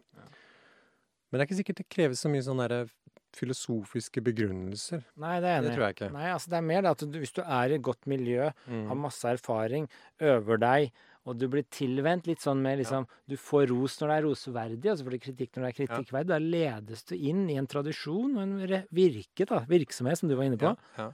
Og når da tilvenner du deg de rosverdige holdningene, Ja. og da oppnår du dyd. Og derfor det er så viktig med politikk her. ikke sant? Altså Disse områdene rundt som gir deg ros og trener deg opp og gir respons da, Mm. når du gjør noe bra, og som gir kritikk når du gjør noe dårlig. Hvis ikke det er der, så er du Så politikken må legge til rette for at vi får ros når vi fortjener, og ris når vi fortjener det. Ja. Og ikke begynne å rise der vi burde roses omvendt. Ja. helt, Når eh, du legger til rette for det, det gjelder barneoppdragelse, det gjelder Ja. hjemme, det gjelder på jobb, det gjelder i staten, Ja. så får du mer tilegna deg disse gode karakterene over tid. da. Det krever erfaring å bli god, egentlig. Det krever først og fremst erfaring. Det hjelper ikke hvor smart du er. Nei, men det oppstår Nei, det hjelper ikke hvor smart du er. Ikke den matematikkforstanden av smart. Uh, så det, det er ikke sånn at det skal være kjapp, uh, sånn som uh, De intellektuelle dydene er jo da klokskap, eksempel, som du refererer mye Ja. til som skjønn. Og, og det sammenlignes jo her med en slags sånn um, um, kjapphet Jeg husker ikke hva den norske oversettelsen At du er kvikk i huet, da. Ja. Og smart. Uh, og det er sånne ting som har å gjøre med matematikk og løse puzzles og sånne ting. At man passerer en IQ-test, egentlig, og får god sånn Mensa-medlemskap og sånn. Men det er ikke klok. Det er ikke klok. Nei. Så de tingene, det der, den type smarthet, Ja.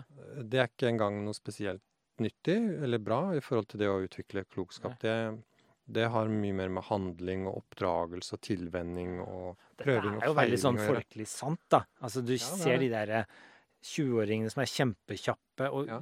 Høy IQ, ganske ufornuftige og litt sånn Mm. har ikke det gode skjønnet, og så ser du de gamle som er litt treige, og de er ikke helt med, men gud, så kloke råd de kommer med. Mm. Ja. det er jo veldig sånn Det er noe i det her. Ja. Idealet er selvfølgelig å kombinere det, å være litt kjapp og klok og smart og ha alt i en pakke, men Ja. det er ikke ett og samme begrep, det her. Det er ganske opplagt. Ja, det er to helt forskjellige ting. To forskjellige måter å, å tenke om ja, det å være velutvikla, for det handler jo om det. Det å være velutvikla som, som menneske, da. Ja. Og du blir Og- ikke lykkelig, ifølge den definisjonen vi nevnte tidligere, før du på en måte driver med sjelens virksomhet. Da. Så du utøver dine åndelige krefter, så å si. Eh, dine Ja. sjelelige evner. Du utøver de i henhold til dyd. Altså du Ja. utøver de på en skjønnsmessig klok måte. Ja. Det er først da du kan oppnå lykke. Det er helt riktig. Men den skjønnsvurderingen bør ikke være din egen. Nei, den kan være tilvendt, da. Ja. Ikke sant? Altså, Mm. du, du kan gjøre ting på riktig måte gjennom hele livet, egentlig. Ja. Fordi du er godt trent, da, i anførselstegn. Uh, fordi du har vokst opp, uh, og det er veldig mye prøving og feiling her òg, ikke sant. Så du lærer deg å bli god gjennom å se hva som fungerer i omgang med andre fornuftige, kloke mennesker. Og da får du respons på det som er bra og dårlig, og så kan du kanskje aldri forklare hvorfor det er så viktig å være sjenerøs, som en av dydene. Hvis du blir spurt, da, så sagt ja, hva vil være din definisjon av sjenerøsitet? Nei, jeg vet ikke. Men du kan godt være det, Mm. fordi du har blitt Så da kan Du du, være dydig lykkelig uten å egentlig aldri ha tenkt over saken. Ja. Det er jo interessant, da. Og det er jo litt sant, er det ikke det? Altså, ja. på den annen side, det. da, så kan du tenke deg jo mer du reflekterer, jo mer ulykkelig blir du. Det er min erfaring. og da blir det sånn OK, så jo mer du tenker over saken, jo mer frustrert blir ting. Så på en måte Ja. kanskje det er bedre ikke tenke så mye over det, og bare liksom lære seg opp til å gjøre det riktig hele tiden. Ja, så igjen så er det middelveien som er Aristoteles' svar, ikke sant? Altså, det er sånne vitser om den middelveien til Aristoteles at han, eh, han døde av det, sa man. I antikken så sa man han døde av middelveien. Litt for lite og litt for mye. Eller du kan ikke dra middelveien for langt, vet du, for da er det ikke middelvei lenger. Nei, ikke sant? Så du må finne en sånn- middelvei for å bruke middelveien. Han var liksom ekstremt opptatt av middelveien, for å si det sånn. Ja. Så det, det blir litt, eh, litt over, overdrevet. Men uh, her er det også en middelvei for Aristoteles. Det er det, altså. Rettferdighet er den eneste som jeg opplever som egentlig ikke har noe særlig med middelveien Men han sier det eksplisitt, at det er noen ting som ikke har noe middelvei. Det Ja, det er passende å spørre Ja. etter middelveien Ja, for. det gjør han. Ja. Det gjør han. For han er klar over det paradokset. Ja, du, kan ikke, du skal ikke være sånn passelig, passevis, eksempel. Nei, og så skal du ikke Ja, nei. Uh, og, og heller ikke passe klok. Det, det skal man liksom søke det maksimale. Passe er rettferdig høres ikke bra ut. Nei. Nei, det gjør ikke det. Nei. det, gjør ikke det. Så ja. Så så rettferdighet er også problematisk i forhold til det. Men han, han, han advarer jo mot å eh, Det som på godt norsk heter liksom sånn hensiktsløs grubleri, da. Jeg tror det står også i oversettelsen. altså En del av filosofene hadde henfaller jo til sånn verdensfjernt gruble, grubleri. ja. Eh, faller i brønnen, som Thales gjør, og sånn. Og, det, og da sier Aristoteles at det er usunt. da. Han sier det er usunt, og da blir ikke lykkelig av det. Så det er Så kanskje litt sånn alt med måte. Du må tenke litt over saker og ting, men ikke for mye. Akkurat passe. Akkurat passe. Det er en kjip løsning, men det er jo sant, er det ikke Ja. det? Det er noe i det. Men det er, Ikke gjør ting for mye, det er liksom. viktig å huske på at uh, hva som er passe, er avhengig av hva, ob hvilket objekt du retter deg til. Så det er ikke opp til deg å bestemme at nå er det nok, nå er det passe. Mm. Og hvis du f.eks. møter en stor nød, uh, global fattigdom, Mm. Så kan ikke du si at nei, nå er jeg passe engasjert, ikke for mye, ikke for lite. For det er, det er selve objektet som avgjør hva som er passe. Ja. Så da kan det være en ganske ekstremt engasjement som er passe. Bare at du ikke går i graven på det, men du jobber faktisk hele tiden. Om du vil, da. Ja, og dette er en sånn greie med Aristoteles jeg liker veldig godt. Altså det at du, han ser på liksom sånn alle ting, alle gjenstander, så ser han alle ting egentlig generelt, så ser han på det som å ha en definisjon. Altså det er, det er et eller annet. Mm. Også hvis du kan definere hva det er, Ja. så er det lettere å forstå liksom hva som er bra, dårlig, dyder, laster ved det, hva som Mm. er liksom den beste versjonen av det. Da kan du begynne å gjøre vurderinger. Mm. Men du må vite hva noe er først. Og som det, så kan Ja. du si om det er bra eller dårlig. Ja. Du kan ikke bare si om noe er bra eller dårlig, uavhengig av hva det er. Det Det er veldig ikke. klokt. Og dette er noe som irriterer meg. F.eks. litteraturanmeldelser. Folk går ut og en anmelder i avisene skriver en anmeldelse av en bok uten å snakke om, uten å først avklare hva slags bok det er som blir anmeldt. Mm. Og så anmelder de den som en bekjennelsesbok, og så er det noe annet. ikke sant? Eller de anmelder den som en annen type bok enn det det egentlig er. Og da blir det helt håpløst. Dette Det er veldig sånn akkurat- aristotelisk tenkning. At du må først si hva det er, og så si om det er bra eller dårlig. Som det. Men det Aristoteles gjør, da, om igjen og om igjen, da, i alle de, de temaene som du nevnte til å begynne med, så sier han dette er det folkene sier. Slik handler de. Det er det de forstår med rettferdighet, det er det de forstår med nytelse og sånn. Og så tar han den vendingen. Men dette kan vi få mer klarhet i hvis vi tenker om det på følgende måte. Ja. Det sier han hver gang, ikke sant? Ja.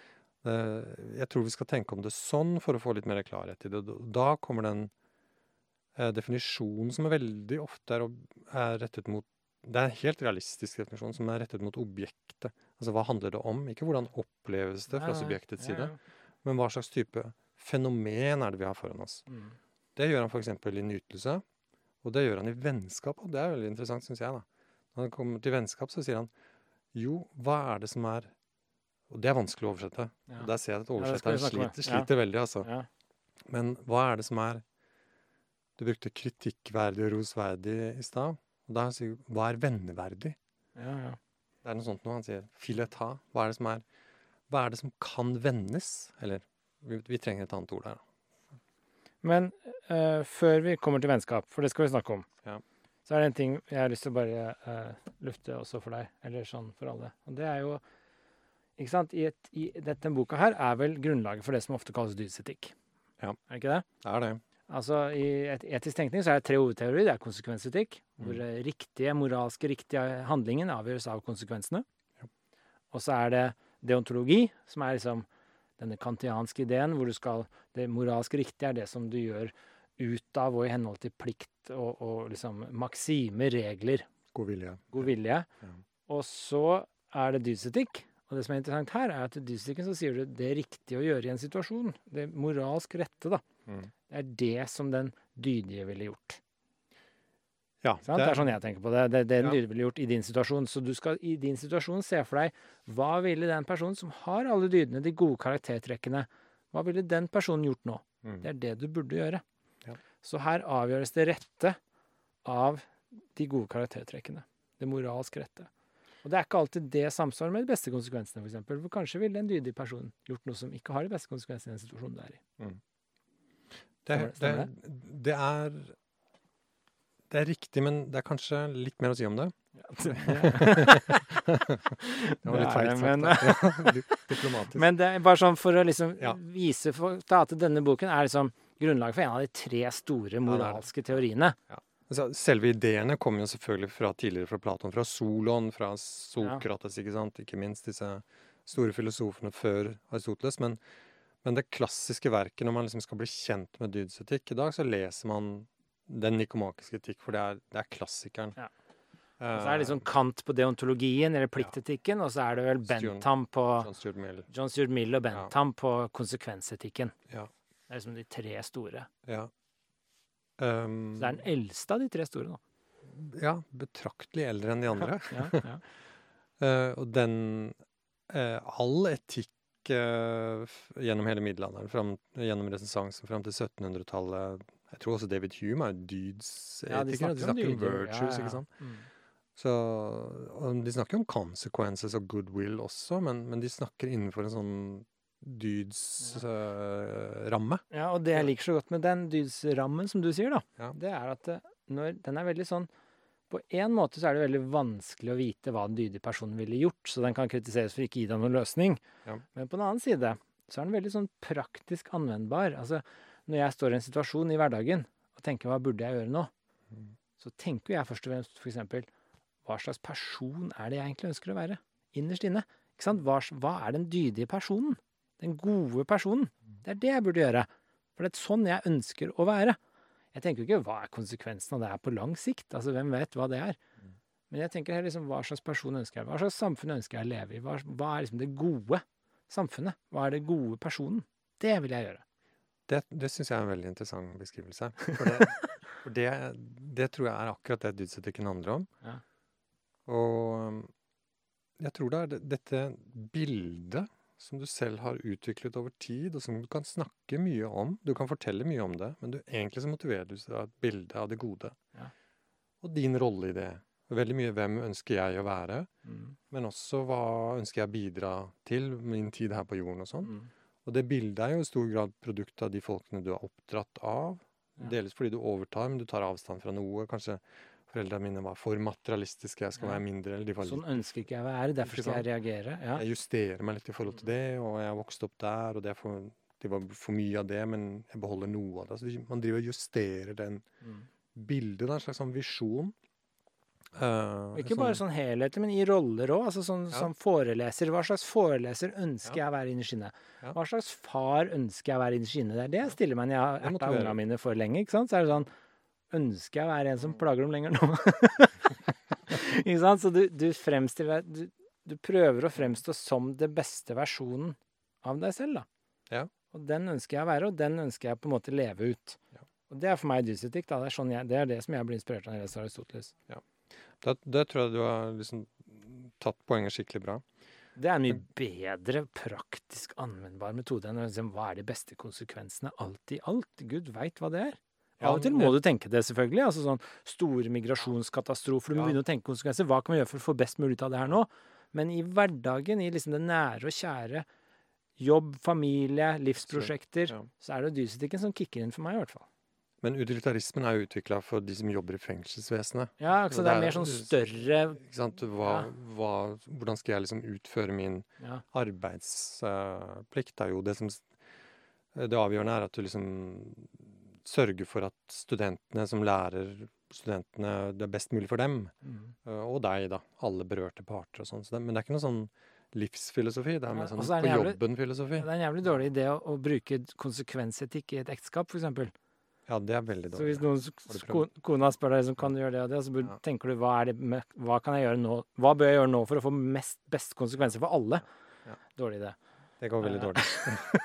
det går kanskje ganske dårlig faktisk i ekteskapet med sånn god vilje og pliktetikk òg. Ja, jeg tror det er veldig dårlig. Jeg tror du må tenke liksom fremstå som den beste versjonen av den rollen du er i nå. Ja.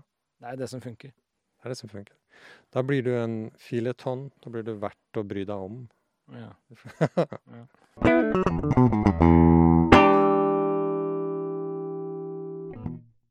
Men Det er eh, ja, så det, men det er liksom første Men kan jeg få til altså, Ja. Jeg liker å avbryte deg Mm. øh, generelt, egentlig. Men så Kjør på.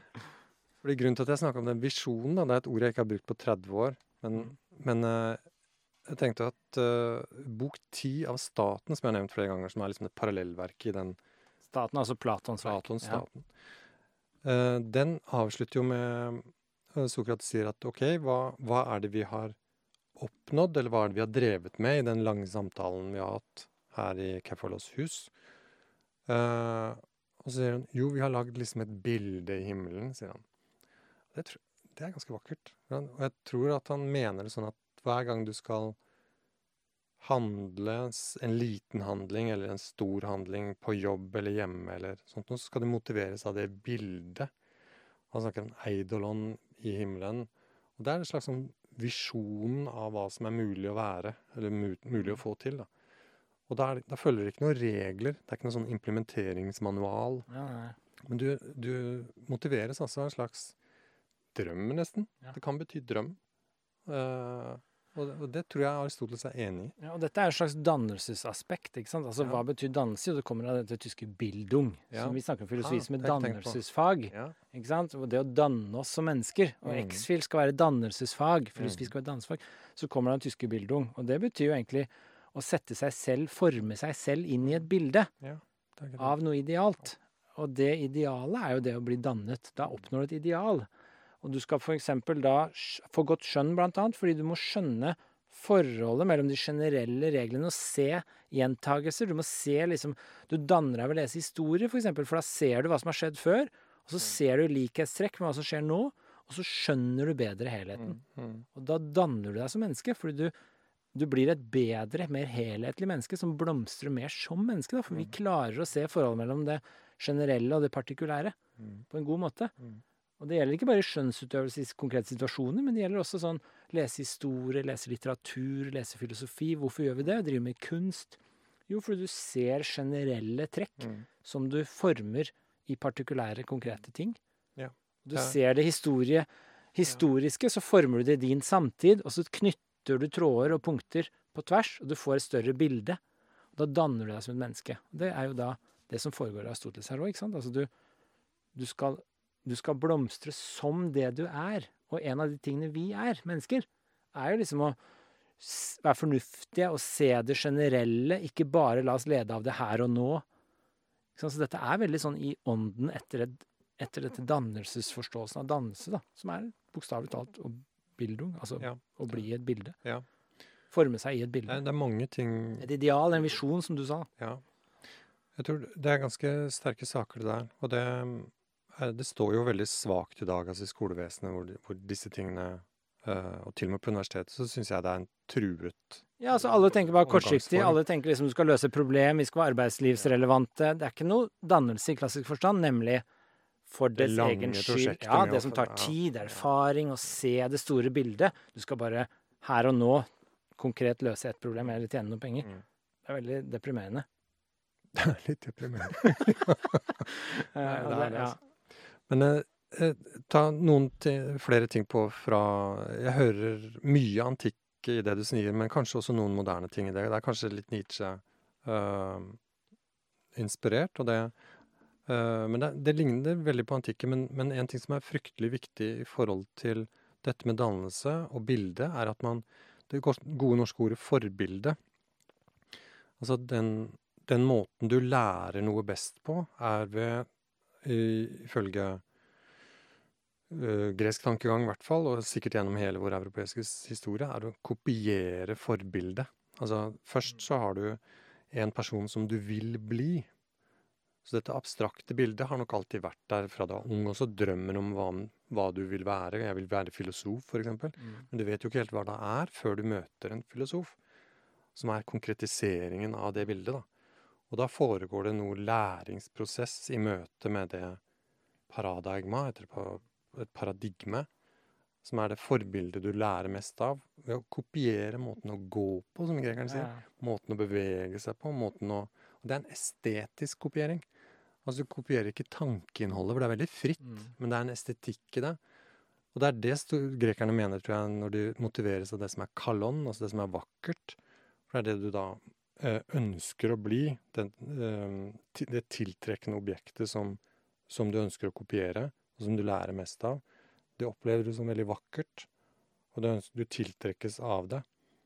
Eh, og derfor så er det resultatet av den dannelsesprosessen da er en sånn skjønnhetserfaring.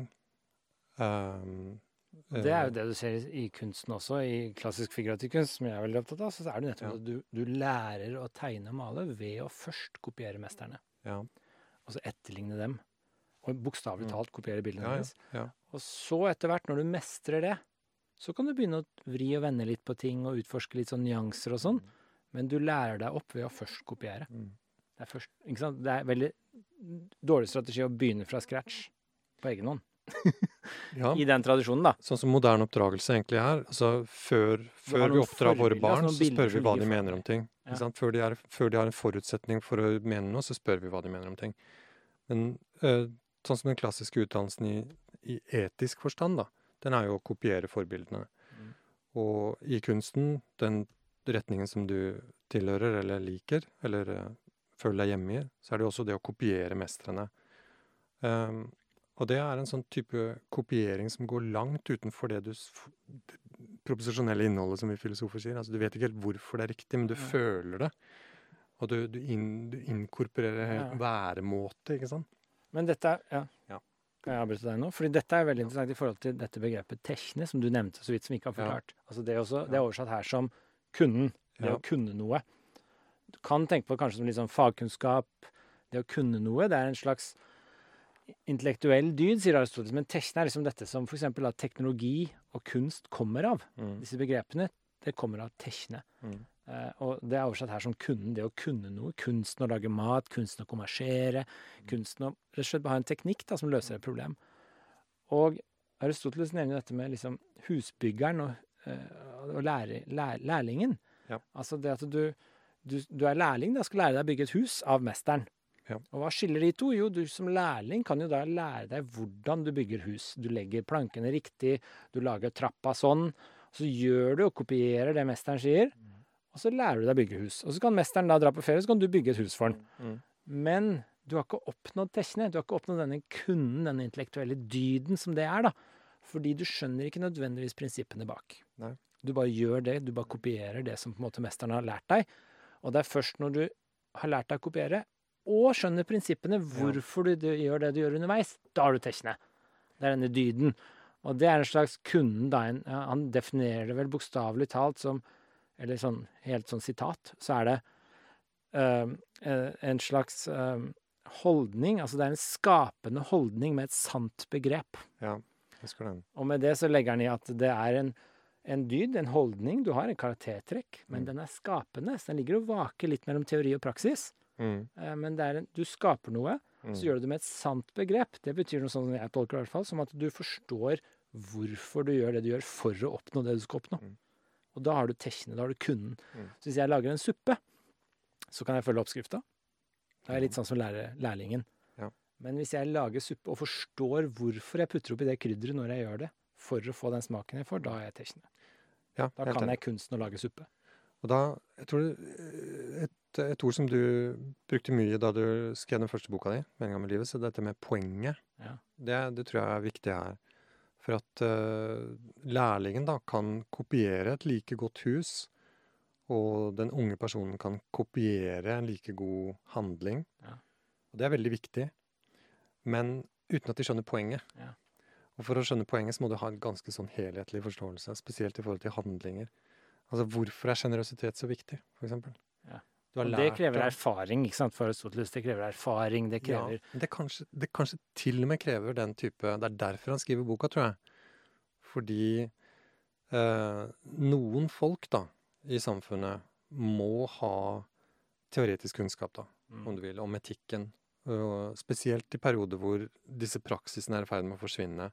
La oss si sjenerøsitet, hvis vi tar det. At den, hvis det er en truet dyd, at folk blir mindre sjenerøse, så er det noen folk som, som må ha liksom lært dette av sine lærere, og tenkt over hvorfor generøsitet er så viktig Mm. for menneskets utfoldelse.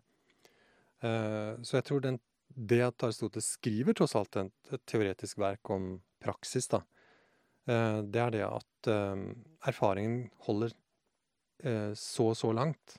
Men spesielt når samfunnet går litt fra hverandre. da trenger man den teoretiske kunnskapen for eventuelt bygge det opp igjen. Mm. Hvis du skjønner? Så det er, det er omtrent som hvis du har veldig dysfunksjonelle familier, da. Så går du inn med en sånn aristotelisk kunnskap og sier at hva er det en familie trenger for å være lykkelig? Hvilke dyder må være til stede her? Mm. Uh, og da har du på en måte bygget på erfaring, men også teori om menneskets natur, hva mennesket trenger fra en familie for å være lykkelig.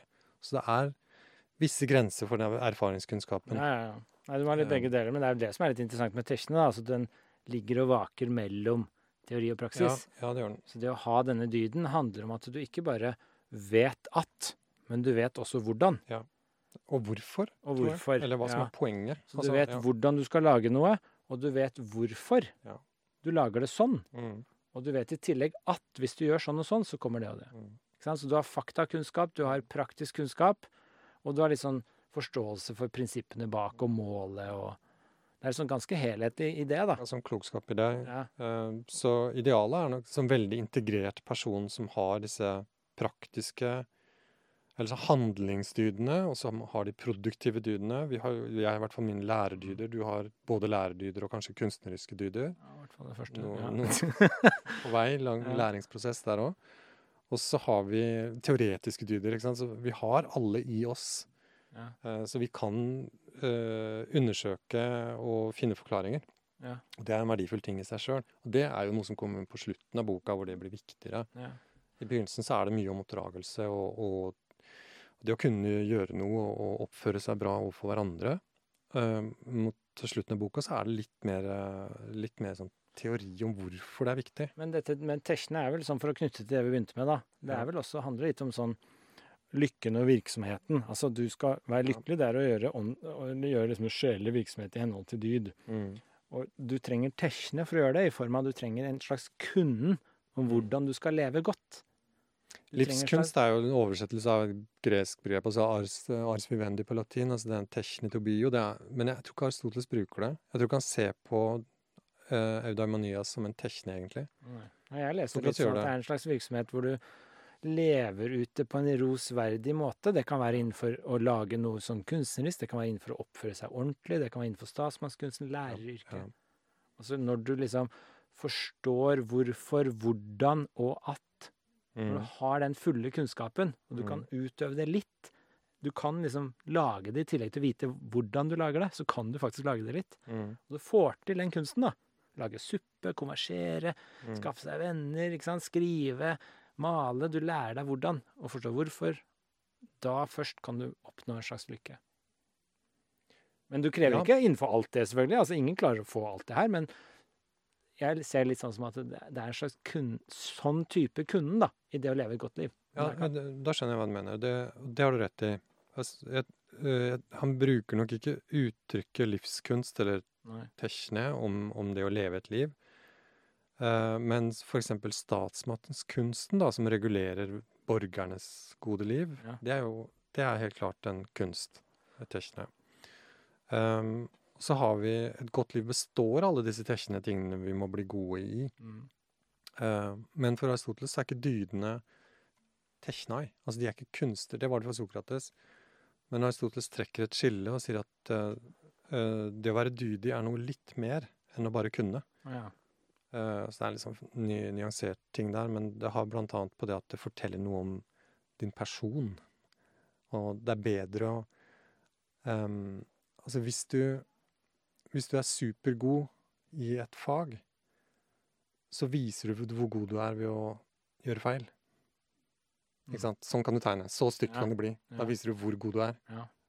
Men hvis du handler feil, jeg tror det er sånn forklaringen hans er, da, så viser det at du har en mangel. ja, ja. Så, så det er Du klarer ikke å vise feilene hvis du ikke har skjønt hvordan du ikke skal Ja, gjøre ikke sant. dem. Ja. Det, det kjennetegner den fagkunnskapen. da. Ja, ja, ja. Hvis du driver med logikk eller kunst, eller noe sånt, så kan du vise en feil. ja. Men Altså, hvis du viser en feil i handling, så viser du en dårlig karakter. ja, For du må skjønne hvorfor det er feil. Ja. Et sånn annet, det- Det er jo kjempeinteressant, egentlig. Altså, Det er, det er, det er et interessant skille mellom kan vise både en dårlig og en god tegning. Ja, ja. Mens de dårlige tegnelærerne viser bare dårlige tegninger. Ja, så, det, så tegning er tekne. Det er et kunst, ikke sant. Det er en kunden. Å lage mat er kunden. Det, du kan bevisst lage en veldig Holde tale, retorikk, er jo for Det er veldig viktig kunden. Du kan bevisst holde en dårlig tale. Mm -hmm. uh, for, for å erte folk, eksempel. ja, ja. uh, men hvis du bevisst gjør en dårlig handling, så viser du at du er en dårlig person. Ja, ja. Der er det litt forskjell på dyd og, og kunst. da. Et sånn lite problem jeg har med Aristoteles, da, som jeg ikke skjønner helt, som du kanskje kan løse opp i, det er at han er veldig opptatt av dette med at alt med måte. Ikke Ja. overdrive noen ting. Og Ja. hvis det er slik at det gode liv er, som kanskje er litt sånn ullent, da, men at det er en slags tekne, det er en slags kunden, det er en slags det å være god på å leve et godt liv, da. Det er en skills. Det er liksom en evne noen har fremfor andre. Noen klarer å leve gode liv bedre enn andre. Mm.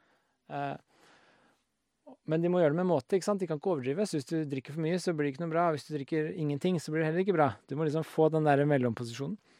Men på den annen side Så jeg ser for meg liksom det gode liv er litt sånn moderat liv. ikke sant? Det er ikke sånn overdriver ingenting. Mm. Men på den annen side så er det jo det derre De få som blir jævlig gode på noe, Mm. de overdriver jo nettopp én type ting på bekostning av mye annet. Ikke sant? Therese Johaug, hun overdriver jo Hun drar jo skigåing og trening ganske langt Mm. for å bli så god. Mm. Eh, men hun kan da aldri oppleve det gode liv for Aristoteles, så vidt jeg kan skjønne. Eller liksom den store kunstneren som ofrer alt og alle for å lage den store kunsten. Mm. Det er jo en overdrivelse. Det er jo ikke måtehold lenger. Det er ikke en gyllen middelvei. Det er en overdrivelse. Så de, disse idealene vi setter opp, da, sånne der, veldig store, flinke folk innenfor et område, de kan vel egentlig ikke ha det gode liv for Aristoteles?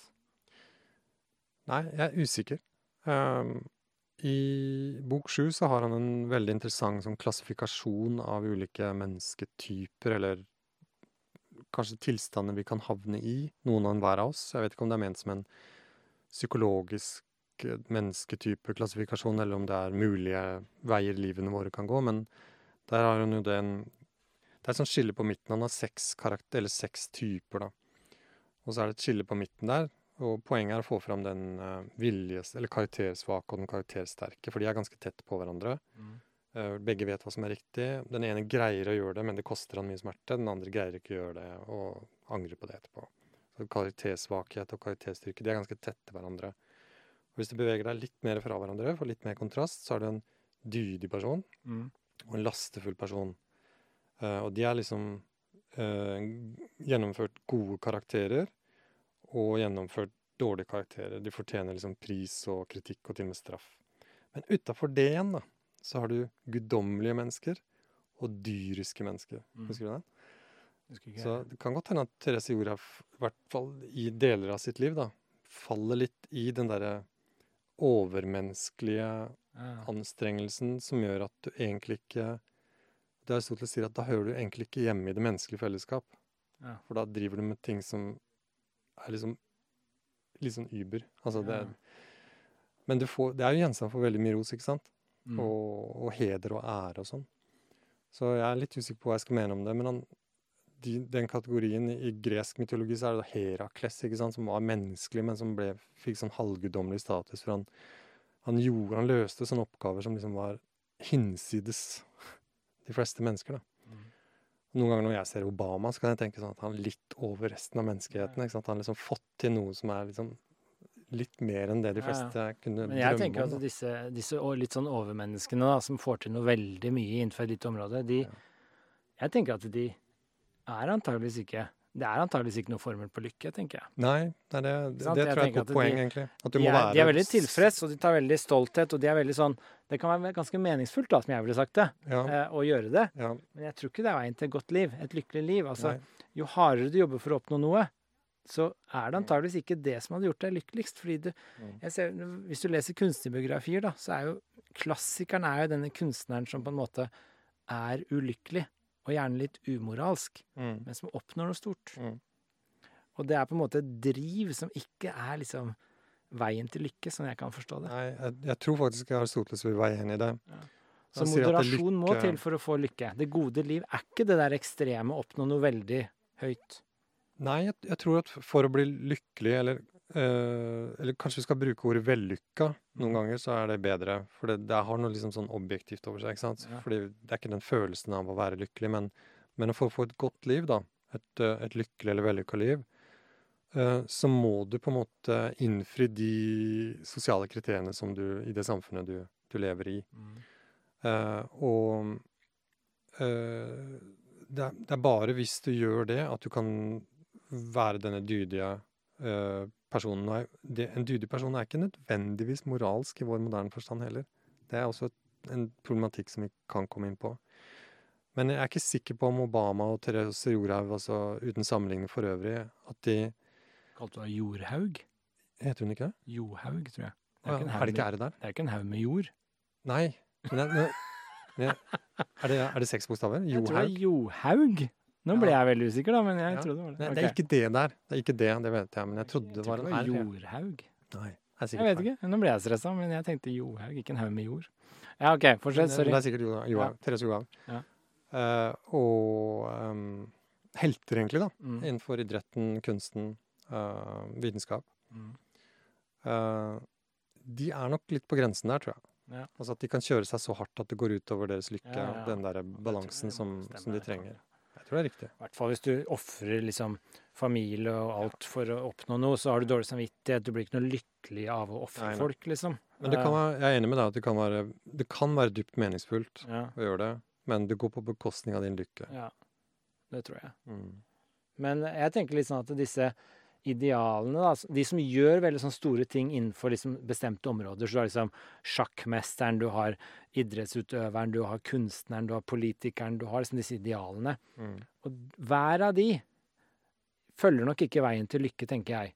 Men samfunnsorganismen som helhet Mhm. trenger Mm. alle de idealene, Mm. slik at folk flest har noe å strekke seg etter, Mm. som kan gi ganske mange en vei til lykke, ikke sant? Altså vi har idealer, så noen jeg, Litt sånn brutalt sagt så ser jeg på det som at enkeltindivider ofrer seg for at samfunnet skal ha noe å strekke seg etter. Ja, det plukker opp veldig mye av den motivasjonsdiskusjonen som vi hadde, at vi har denne visjonen eller dette bildet. Og hvis vi får den konkretiseringen um, La oss si at du er veldig opptatt av politikk da, og samfunnsendring. Så, og én retning for politikken da vil være veldig naturlig å forestille seg Obama rent fysisk. ikke sant? Å Se, se for seg og høre hans taler. Han er tydeligvis helten din her, skjønner jeg. Ja, han er jo det. Ja, Han er jo det. Ja. Uh, så um, det er en måte å få et konkret, men veldig nesten litt sånn Det er ikke urealistisk på en eller annen måte, men, men, men du skjønner, altså det, er, det er litt sånn opphøyd. i viss forstand. Og det, Ja, ja. Aristoteles uh, formulering på det er at det, de er guddommelige mennesker fordi de tilhører ikke De tilhører egentlig ikke det menneskelige samfunnet. Um, det Det gjør jo Obama, da. Det Ja, gjør jo Johaug også. Men altså, det er, dette er jo nettopp grunnen til at jeg syns det er litt synd hvis vi begynner å gå etter alle disse som tidligere har vært idealer for oss på noen områder. Mm. Sånn som Churchill, eksempel. Han Ja. har vært liksom satt opp på en pidestall som et ideal på noen områder. Og så finner vi andre sider ved han som vi ikke ser opp til. Mm. Og så river vi ned han da fra dette idealet han vi pleide å se opp til. Mm. Og så skal, hvis, hvis vi bare skal gå etter denne helhetlig gode idealet, Mm. så forsvinner ganske mange av idealene våre. Mm. For det er ingen som når opp til det. Det er nettopp at noen ofrer seg for denne ene smale stien på dette ene området, og så gjør de masse annet dumt for å komme dit. Mm. Det er jo mye dumt de har gjort da, ikke sant? Og mange andre sider som er irrelevante, og som vi ikke ser opp til og sånn. Men vi må ikke glemme liksom det ene idealet som kanskje er sunt for helheten. Og så heller kanskje overse de andre litt, tenker jeg da. Ja, det, det minner meg litt på det som psykoanalytikerne gjør i forhold til barndommer. Altså at hvis man har bilde av en god barndom, og hvis man graver og pirker litt, så vil man finne minitraumene sine, ikke Ja, sant? ja. Og så, og så blir alt på en måte nivellert ut litt, da. Og alt blir litt sånn Det er en sånn smålighet kanskje i det. Uh, jeg er enig i at vi trenger denne visjonen. Det er en sårbar ting, for det mennesket er veldig sårbart i og med at det trenger noen å se opp til. Tenk på hvordan ungdommen veldig tidlig liksom deler disse idolene sine, ikke sant? Og det er vanskelig å bli moden i det. Det tar ganske lang tid, da. Ja. Uh, og en del av de idolene kan jo være litt sånn usunne, og man havner på feil vei og, og sånn, men, men de er jo gjenstand for moros, moralsk debatt, da. Altså når Justin Bieber gjorde feil ting og sånt, så var jo det en liten sånn moralsk krise i hjemmet, ikke sant? Altså hvordan kan han som jeg ser opp til, være sånn? Så, så det, det fungerer på den måten, og eh, men ja, nei, vi, vi trenger noe, vi, absolutt vi trenger noe å se opp til, men, men det vi trenger å se opp til, er noe som vi Egentlig så er det litt oss sjøl, da. For det er sjelens utfoldelse vi er ute etter. ikke sant? Altså det er, du skal ikke være beveget utenfra, da er det noe gærent. Hvis du skal bli som altså Hvis du tar, tenker på den, mine sånn faglige idealer da, sånn innenfor uh, antikk filosofi så liksom, Hvis jeg vil bli som min veileder, og vil bli akkurat sånn, så er jeg beveget på feil måte.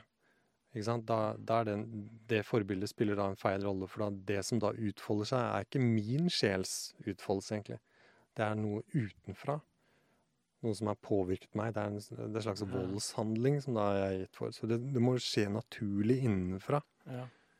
Eh, og der kan det være litt sårbart med de idealene, at de blir litt for høyt oppe, da. Churchill har litt tendens til det, syns jeg. ja, altså, men altså, vi opphøyer noen sider av saken, ikke sant? Og så er det da kjipt å se ganske sånn, sånn støtende andre sider av saken, som er ganske støtende, da. Det Mm. er kjipt å se det, selvfølgelig. I hvert fall hvis da alle andre liksom ser opp til denne ene siden, og så ser du den andre som er ganske støtende for deg, og så er det Mm. kjipt da å se liksom at dette er idealet vårt. Jeg skjønner jo det. Så det beste er litt sånn som Sånn som de har på hestene, ikke sant? Sånne skylapper. sånn at du ikke ser folket, du bare ser framover. Ja, ja. Så det beste er også liksom, med liksom de, noen av idealene Kanskje vi bare skal ha på litt skylapper, og så se det Ja. gode. Og så liksom Ja, ja, glem det onde, liksom. Altså fordi vi må ha noe å se opp til. Og jeg tror det blir lavere og vanskeligere Eller det, du finner lavere idealer og Mm. vanskeligere å finne det virkelig store hvis du skal se helheten. Skjønner du? Det er litt sånn Jeg skjønner. paradoks. Jeg skjønner. Ja. Det, er, det er jo litt sånn å forelske seg, på en måte. Det er ikke sånn at vi skal er akseptere sånn. det kjipe, men vi må liksom se litt bort fra det kjipe for å kunne se det høyeste. Ja. Det driver deg veldig. Ja.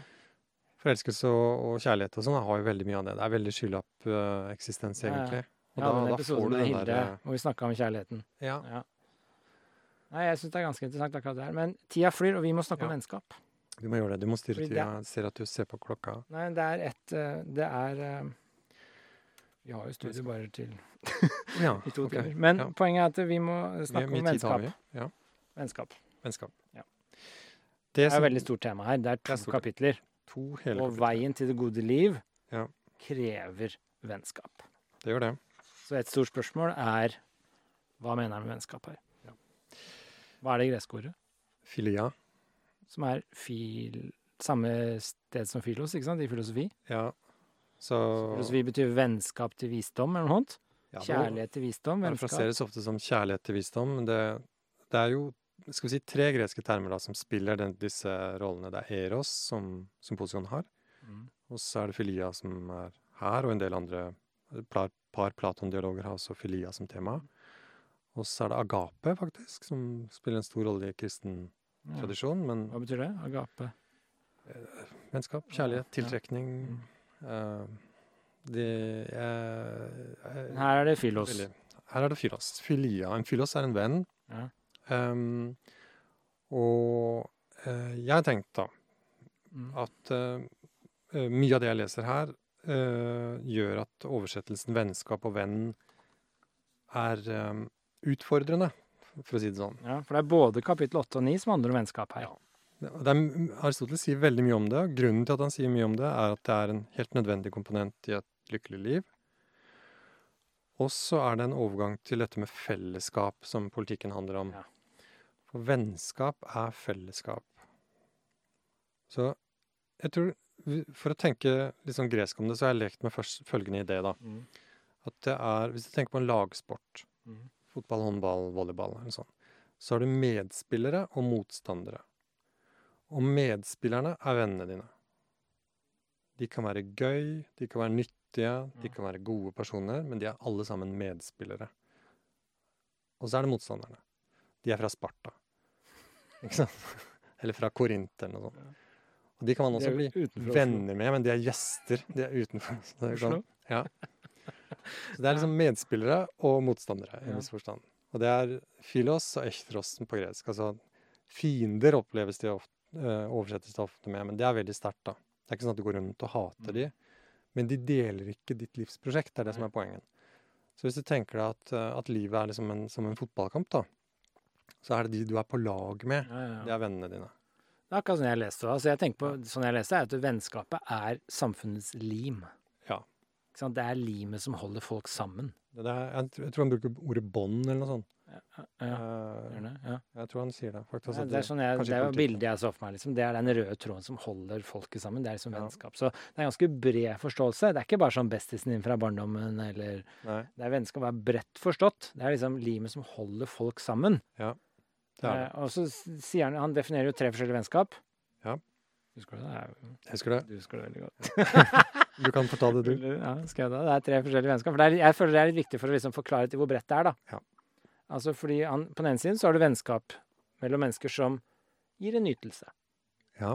Det er det ene. Og så har du vennskap som er nyttig. Ja. Det er den andre. Og så er det vennskap bare fordi det er godt. Altså for det, det godes skyld. Det er godt i seg selv. Ja. Eh, Så er spørsmålet om vil vi kalle alle de tre vennskap i dag? I hvert fall det siste tror jeg vi kjenner igjen. Eh, da gjør du det god for den andres skyld. Ja. Altså du er um... Så det var det jeg heldigvis snakka om, som er liksom det jeg i dag tenker på som kjærlighet. Ja. Ikke sant? Det er den kjærligheten jeg har til barna mine. Hva er det som er unikt med den? Jo, jeg er villig til å gå ut av min vei for at de skal ha det bra. Ja. For deres egen skyld. Altså, jeg vil at de skal ha det bra. Den er retta mot Mm. noen. Og den kjærligheten, eller det vennskapet, som vi kanskje kan bruke termen her, da, det er liksom at du vil den andre vel for Mm. dets skyld. Altså, det er, det er det gode som er i spill her. Ja. Eh, og det er ikke for nyttig, det er ikke for jeg skal ha noe ut av det. Og det er ikke fordi det gir meg nytelse. først og fremst. Den, det, den, den siste formen for, for vennskap, ja. ja, Det er helt Det er klart liksom at det er det gode som er i spill. ja, det gode er i spill. Du vil dem vel. Ja. Og det er i spill i den type vennskap. Og så er det noen andre vennskap som er sånn fornytelse, f.eks. For elskere, kanskje? Eller hva slags vennskap er det som gir nytelse? Litt sånn du har noen du liker å sitte og snakke med, kanskje? Du har noen du liker å ligge med, kanskje? Det er liksom nytelsesvennskap. ja. Og så er det noen der som er nyttige. Det er sånn du er venner med han, for da får du den type jobb. Ja, Det er det. Det er de tre vennskap han snakker om. Ja, Det er det. Og så Hva slags vennskap har vi, over? Hva sa du? Hva slags vennskap har vi? Det gode. Det er ikke nytelse. Nei, nei, nei, det er ikke så mye nytelse. Ikke bare nyttig, i hvert fall. Nei, ikke bare nyttig. en Nei. Blanding av intellektuell nytelse og det gode. Ja, det er mye ja. intellektuell nytelse. Er det. Men uh, vi gjør mye for, mye for hverandre for hverandres skyld. Ja, ja, ja. Eh, Nei, da er det ekte. det er sånn- ja. For det er den det beste formen for vennskap han nevner i Aristoteles. Det er Det det. er liksom en som er rang, rangerer over de andre her. Ja, absolutt. Det er standarden. Og de andre er jo får lov til å bli kalt vennskap uh, fordi de ligner. Ja. Han sier det. Så de er vennskap de i kraft av at de ligner litt på det gode. Ja. Du får noe Sånn, ut av her har vi modellen, Ja. og de andre er liksom De ligner litt. Mm. Så derfor så kan vi snakke om de òg. Der tror jeg at det er veldig mange som går rundt da, i Aten og i dag også, som kaller seg venner, og så sier han ja, det er riktig det. Uh, for det ligner på den the real stuff. Ja, ja. Så Sånn. når du er venner på Facebook da med noen, Ja. som uh, Så er det jo noen av de du er venner med bare fordi det ser bra ut, holdt jeg på å si. ja, det er mye nytte der, kanskje. og, så det, og så er det noen du er venner med fordi de faktisk er noen du ønsker å holde kontakt med. Ja. Og så er det noen du er venner med fordi du holde Du får noe ut av det, en ytelse kanskje, å være venner med akkurat de, men også at Ja. du vil dem vel. Så det er liksom sånn nær familie. Ja. Så alle disse reflekteres kanskje der også? På Facebook? Eh, ja, jeg tror de gjør det. Altså, I hvert fall hvis vi tenker om altså, den, ytelsen nytelsen som er involvert da. Jeg tror, eh, så Det Aristoteles stort sett snakker om, er det at det er morsomt.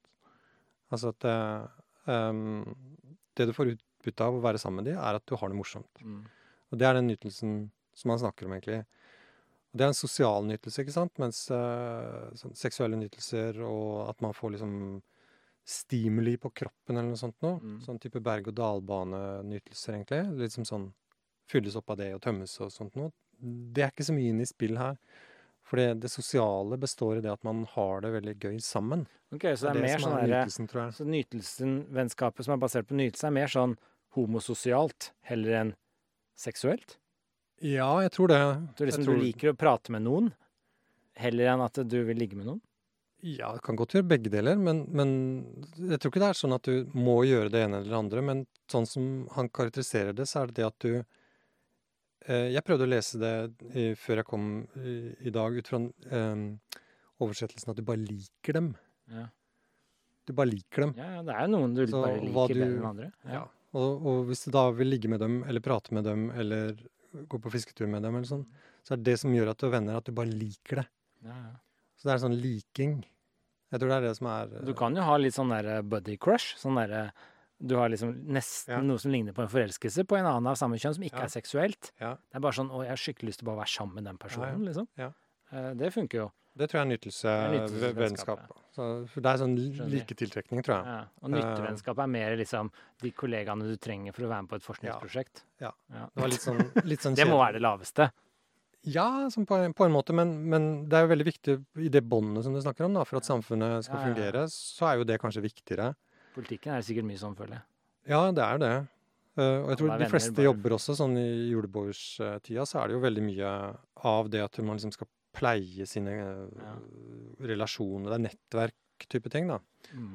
Så jeg, jeg tror nytelse er veldig ålreit at vi tenker på hvem er det vi liker Ja, å være sammen med. Mm. Det kan være liking av forskjellige typer ting, men det er bare liksom, det er gøy. Det er, du liker å være sammen med dem. Ja, ja. Det, tida går fort og alt mulig sånn. Mm. Sånn som nå. Sånn som nå. Ja, Nettopp. ja det er bra. Og så sier han at det er gode, unge mennesker er veldig gode på det. Ja, ja, sånn som vi. Ja, Vi, vi liker hverandre, ikke sant? Og så går det fort over, sier han da. Ja, ja, ja. Det gjør ikke på oss, da. Nei, det gjør ikke Gamle folk jeg går ikke over så fort på det. Måte. Det sier han jo, gjør han ikke? Han sier det hele tiden. Ja. De unge er veldig sånn veldig lett vennskap, og så går Ja. det veldig fort, like fort over. Ja. Mens de gamle er litt vanskeligere for vennskap, men det varer. Ja. De gamle og sure, Mm. så de er vanskelig å like dem Ja. Men det varer bedre. ja, når du først øh, får det til. Jeg bodde i USA i mange år, der er det veldig lett å få venner, men det går fort over. Ja, det gjør det. Norge sier jo alle som flytter hit, det er vanskelig å få venner, men det varer når du først får det. Vi Litt forskjell på Oslo og Kristiansand på Vi det. er litt gamle, vi. vi er gamle. Nordmenn er gamle, mens amerikanere er unge. ja, Det er jo sant òg. Altså, de, de har en sånn, en sos, det sosiale båndet der er nok bygget mer på kortsiktige, altså sånn raske møter, da. Eh, og det oppdrar jo vi barna til i dag òg. Mm. Og det er ikke noe sånn i seg sjøl gærent. Men det går nok litt utover den der gode vennen. Mm. Eh, fordi du, hva heter det, at du forelsker deg og faller ut av det ganske Aristoteles sier at Falling in and out of love, ja. Ja. Mm. ofte flere ganger hver dag, sier Aristoteles. ja, ja. Det har han jo rett i. Det er jo ikke noe altså. Slitsomt. Stort sett falling out, ja. Ja. Eh, Men, eh, ja, men det er ganske interessant hvor viktig vennskap er i denne boka. Altså Den utgjør to av ti kapitler Ja. eh, for det gode liv. Så vi er sos ikke bare politiske dyr, vi er sosiale dyr. Mm. Og vi er vennskapsdyr. Vi er avhengig av vennskap. I en eller annen forstand. Ja. Så han har ikke noe tro på mennesket som bor i en hule. Nei, nei, ikke i det hele tatt. Bortsett fra kanskje disse guddommelige eller dyriske menneskene, Ja. som ikke greier å, eller ikke har noe plass i samfunnet. Så vi alle sammen trenger gode vennskap for å uh, ha lykkelig liv, og, så, og bidra til båndet Mm. limet i samfunnet. Det er jo skal vi si, altså det er jo sånn at eh, Jeg tror det er veldig ålreit å tenke at det er visse kvaliteter som er verdt å bry seg om. Eh, kapittelet handler veldig mye om det. Um, og så igjen så er det ikke en sånn analyse av hva jeg føler eh, når jeg treffer deg, men det er visse kvaliteter som er verdt å bry seg om. Det er det som er analysen hans, da. Og hva er det som er de uh, verdt å bry seg om kvalitetene? Jo, det er at det er Egentlig så betyr det søtt, hedys. Altså at det er eh, Jeg liker det. Mm. Uh, og så er det nyttig for meg. Og så er det godt. Og i en forstand som er litt, litt vanskeligere å få tak i, egentlig. Hva, hva det betyr at det er godt. Men han begynner med det å tråkle sammen de tre um, tingene som gjør at det er verdt å bry seg om noe, da.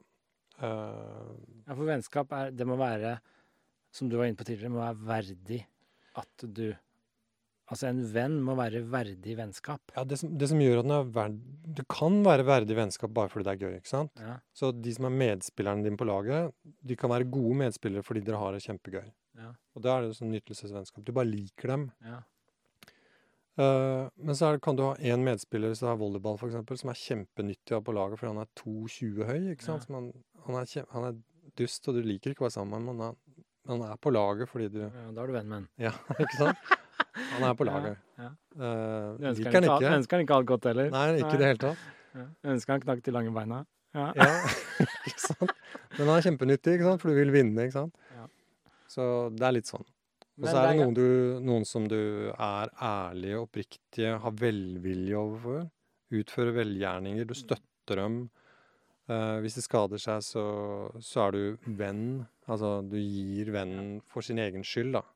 Eh, Men det som er interessant, er at det, må, det ser ikke ut til å være Det må ikke være symmetrisk. Det må ikke være gjensidig. nei, men jeg kan være venn med noen i form av at eh, jeg vil dem godt, Ja. uten at de på en måte har det samme relasjon til meg. Ja. For eksempel far til barn. Ja.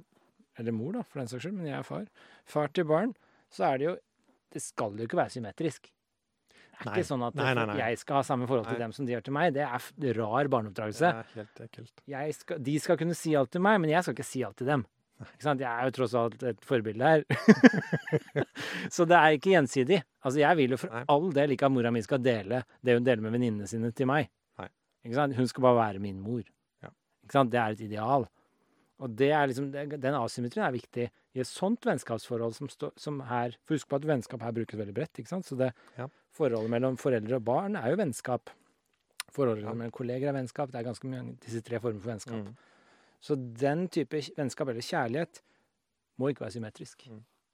Nei, det, den er ikke symmetrisk. Det er, det er nok en gjensidighet in, involvert, men sånn antifilia, det å en, eh, bry seg om hverandre gjensidig, det tar jo ganske mye plass i teksten. Og så eh, Ikke plass, men det er et interessant tema. Men eh, det er asymmetriske eh, vennskapsforhold som eh, i, I vår tid så er det jo sånn at vi ikke trenger å ha et vennskapelig forhold til snekkeren eller legen eller den slags, fordi vi betaler dem penger, ikke sant. Men det trengte man jo da. Og da trengte man jo da avklarte, positive, velfungerende relasjoner til alle mennesker rundt seg for å være trygg, da. Men- Noen av de er jo asymmetriske. Men Det er noen som har mye, at mye mer penger enn deg, ikke sant? Men Ja, du ja. trenger å ha et godt forhold til dem fordi du noen gang trenger å låne litt, for det blir nyttevennskap, da. Ja, det er nyttevennskap. Og asymmetrisk fordi de er rike, Ja, ja. eksempel. Og du aldri kan låne tilbake, men du Så maktforholdet er helt ulikt. Ja. Men Så det er sånn, men i og med at det er et vennskapsforhold, så, så, så er det en forståelse om at det er det beste for byen. mm, Uh, så hvis da den rike personen som låner deg penger innimellom, uh, noterer opp hvor mye han har lånt deg og kommer til å bruke det mot deg en gang, så bryter jo han eller hun da det vennskap, det båndet. mm. For da er det ikke det beste for byen at jeg, at jeg står i gjeld til noen. Og tilsvarende hvis da en, en far holder regnskap over eh, hvor mye han har gitt til sin sønn, og regner med å få minst like mye tilbake, så er det et brudd i kontrakten der, om du vil da. Så, for det skal jo være vennskapelighet, altså at man bryr seg om den andre. Men jeg er- tenker at det kan være Går det ikke an å ha et enveisvennskap? Altså helt og fullt enveis? Altså Se for deg scenario hvor Det har du hørt om, liksom. Jeg har i hvert fall hørt om sånne familier hvor liksom barna har kutta kontakten med foreldra. Ja, Og så vil foreldra er helt sånn knuste hjerter, ikke sant? Ja. Men barna nekter å snakke med dem. Det går år, årevis hvor barna ikke har snakka med foreldra. Ja. Da kan det jo ifølge, så vidt jeg kan forstå, kan jo foreldre ha et slags vennskap til barna i den forstand at de vil dem alt godt og gjør ting for dem, mm. men det er ingenting tilbake. ja, Og tvert imot, unga vil nesten foreldra vondt. Skjønner du? Altså, jeg kan forestille meg et sånt scenario hvor det ser da ut til at, gjør det ikke at et vennskap da er helt og holdent enveis? Eller er det umulig for Aristoteles? det tror jeg kanskje er umulig. Ja, hvorfor det? Um, Det virker jo rimelig sånn jeg sa det, gjør det ikke? Det er en slags enveiskjærlighet. Veldig ensom ting, så Agnar Mykles gjorde det, kjærligheten er en ensom Ja, ting. ja, ja. Um, men det Men det samme gjelder jo bare sånn forelskelser. Du kan jo helt klart være dødsforelska Ja, ja. i noen uten at de Ja. er det tilbake. De kan mislike deg sterkt. Ja, ja. Det Så kan det utvikle seg til kjærlighet over tid, kanskje til og med. Det er mange sånne eh, scenarioer i populærkulturen hvor vi kan se for oss sånne ting, hvor noen gjør noe godt for noen andre, selv om de andre ikke vet det. Altså Jeg tenker på sånn som Breaking Bad. ja, Godt eksempel. Han, Alt han gjør av ondskap og dritt, er jo for å til slutt få sendt de penga til sønnen sin, som trenger litt utdanning. Og så gjør han det sånn til slutt at sønnen hans ikke engang får vite at de penga Mm. kommer fra ham, for sønnen hans vil ikke ha noe med det å gjøre. Mm. Det er et godt eksempel. Ja. Er ikke det en kjærlighet fra far til sønn uten at den gjengjeldes på noen som helst måte? Jo, øh, jeg er usikker. Jeg har ikke noe svar på det. Ja, På hva Aristoteles ville sagt, eller på om det er tilfellet? Jeg, for Det meg er det, det, er, det er like naturlig for meg å si at det er en slags enveiskjærlighet, og at du, at du føler ens kjærlighet eh, typisk da til dine barn ehm, som ikke blir gjengjeldt. Ja. Og, og i perioder så blir den jo ikke det, ikke sant? Men uh, du gjør det allikevel. Uh, men da snakker vi om følelsen av kjærlighet. Men for Aristoteles er det slik at, uh, at eh, forutsetning for at det skal være et vennskap, må jo for det første være at de lever sammen. Så når barna flytter ut, så, så forandrer det karakter. Men det er så mye minner der eh, at du på en måte lever sammen allikevel. Ja, du bor i Det kan samme man bystat. Kanskje da du bor i samme by. Ja. Men Kan i, du se for deg dette forholdet også i samme hus, til og med? Ja, så hvis du, hvis du fortsetter å leve sånn i samme hus, øh, og hvis du lever i samme hus, men ikke vil ha noe med hverandre å gjøre Den ene lever i første etasje, den andre i andre etasje, og, de, og den i andre etasje elsker den i første etasje, men ikke omvendt. God stemning. Da vil jeg kanskje flytte ja. av. Men øh, ja, jeg, jeg- vil, sånn, fra moderne perspektiv vil jeg si at det er mulig, men det er kanskje fordi jeg tenker på vennskap litt for mye som følelse. Altså jeg føler et sterkt vennskap med noen, eller føler en kjærlighet, da Ja. som ikke blir gjengjeldt. Men jeg er ikke sikker på om Aristoteles ville tenkt på samme måte, for det Han ville bare kalt det noe annet, da. Han ville ikke kalt det vennskap. Nei, han ville kalt det Eros, tror jeg. Ja. Uh, fordi det er tiltrekning, ikke sant. Altså du Eros er sånn Det er jo i slekt med galskap, men uh, Eros, da Da klikker du litt. Altså da Da slipp, slipper du på en måte Så det er en slags Eh. drivkraft, et begjær på en eller annen måte. Det bør ikke være seksuelt, men det er et slags begjær Ja. som ikke er det han kaller eros. Nei, vennskap. Ja, altså Vennskap er litt annerledes, syns jeg. Altså, det, er, det er noen diskusjoner om, om det erotiske vennskapet her. Det brukes vel sånne uttrykk uh, også. Men det, men det er mye mer basert på tiltrekning, og den er jo ensidig. Men det vennskapsforholdet er jo det at du Hvis du beholder den metaforen at du spiller på samme lag, da, Mm. så vil jo barna eh, barna dine eller en venn du ikke har sett på ti år uh, eh, I en viss forstand så kan du si at de spiller fortsatt på samme lag. Egentlig sånn. Det laget blir jo en veldig rar ting, da. Hvis de aldri møtes. Men hvis da den vennen og barna dine fortsatt går med bildet av hva dette har betydd, f.eks. Altså de deltar i en sånn uten at dere treffes, og kanskje har en viss motvilje mot å treffes pga. hendelser, ting som har skjedd og sånn. Men allikevel så vil det være det at hvis dere deler en historie, tror jeg det er riktig å si. Hvis dere deler en historie, eh, og begge ønsker å dele den, så tror jeg det er et fortsatt vennskap. Mm. Eh, Men da strekker jeg litt på det, for Aristoteles legger stor vekt på at du må kunne eh, treffes. Så det må være et slags bånd som går mellom to eller flere mennesker. Da. Men, og det kan være asymmetrier i form av at den ene er far, Ja, er sønn, ofte. rik, fattig, til og med kanskje slaveherre, eller er ikke slaven inkludert? det, er, det kan slaven Som menneske så kan slaven være en Stemmer venn. han sier det. Ikke som slave, men som som, menneske. ja. Kvinner kan være med. Mann og kvinne, kan de være venner, eller? Ja, det, det er en av de tingene som jeg syns var veldig interessant nå å lese, er at um, uh, Aristot- Det Aristoteles sier om relasjonen mellom mann og kvinne, er, er litt mer nyansert enn det bildet vi har fått fra han, han sier jo sånne ting som at de har en fornuft som ikke har autoritet. ikke sant? Det er det kjente eksempelet. Uh, og sånn sett så klassifiseres de sammen med barn. Og det er, der er det en tydelig asymmetri. Men så kan han senere i verket, jeg tror det er i bok ni, så kan han skrive om ganske intimt om forholdet mellom mann og kvinne. At de deler på det å ha ansvar, det å styre. At, at det går fram og tilbake. At de deler veldig mye, da. Uh, så jeg vil tro at uten at jeg har helt svaret på det, så vil jeg tro at det absolutt kan være et vennskap mellom et asymmetrisk vennskap, men asymmetrien skyldes mye de reglene og normene som er i samfunnet rundt. Ja. Men begge hjemme er det litt annerledes. Ja, og så kan begge få noe ut av det, tenkte jeg når jeg leste. Altså, ikke Ja. sant? altså Den fattige og den rike er venner. Ja, ene har mer makt i en forstand, men den rike får kanskje noe annet ut av den fattige. Og så er det et slags Ja. gjensidighet, selv om det er asymmetrier. ja, Så du kan tjene på det, ikke sant? Ja. Eh, Du kan se for deg mange sånne forhold. Altså at det fins asymmetrier i makt eller økonomi eller intellektuell kapasitet eller hva det måtte være. Og så er det noe begge får ut av det. Kanskje det er liksom nytelse for begge på en eller annen måte. Kanskje det er ny nytte for begge på en eller annen måte. Ja. kanskje det er bare det gode ja. på en eller annen måte for begge. Ja, Selv om det er andre asymmetrier. Ja.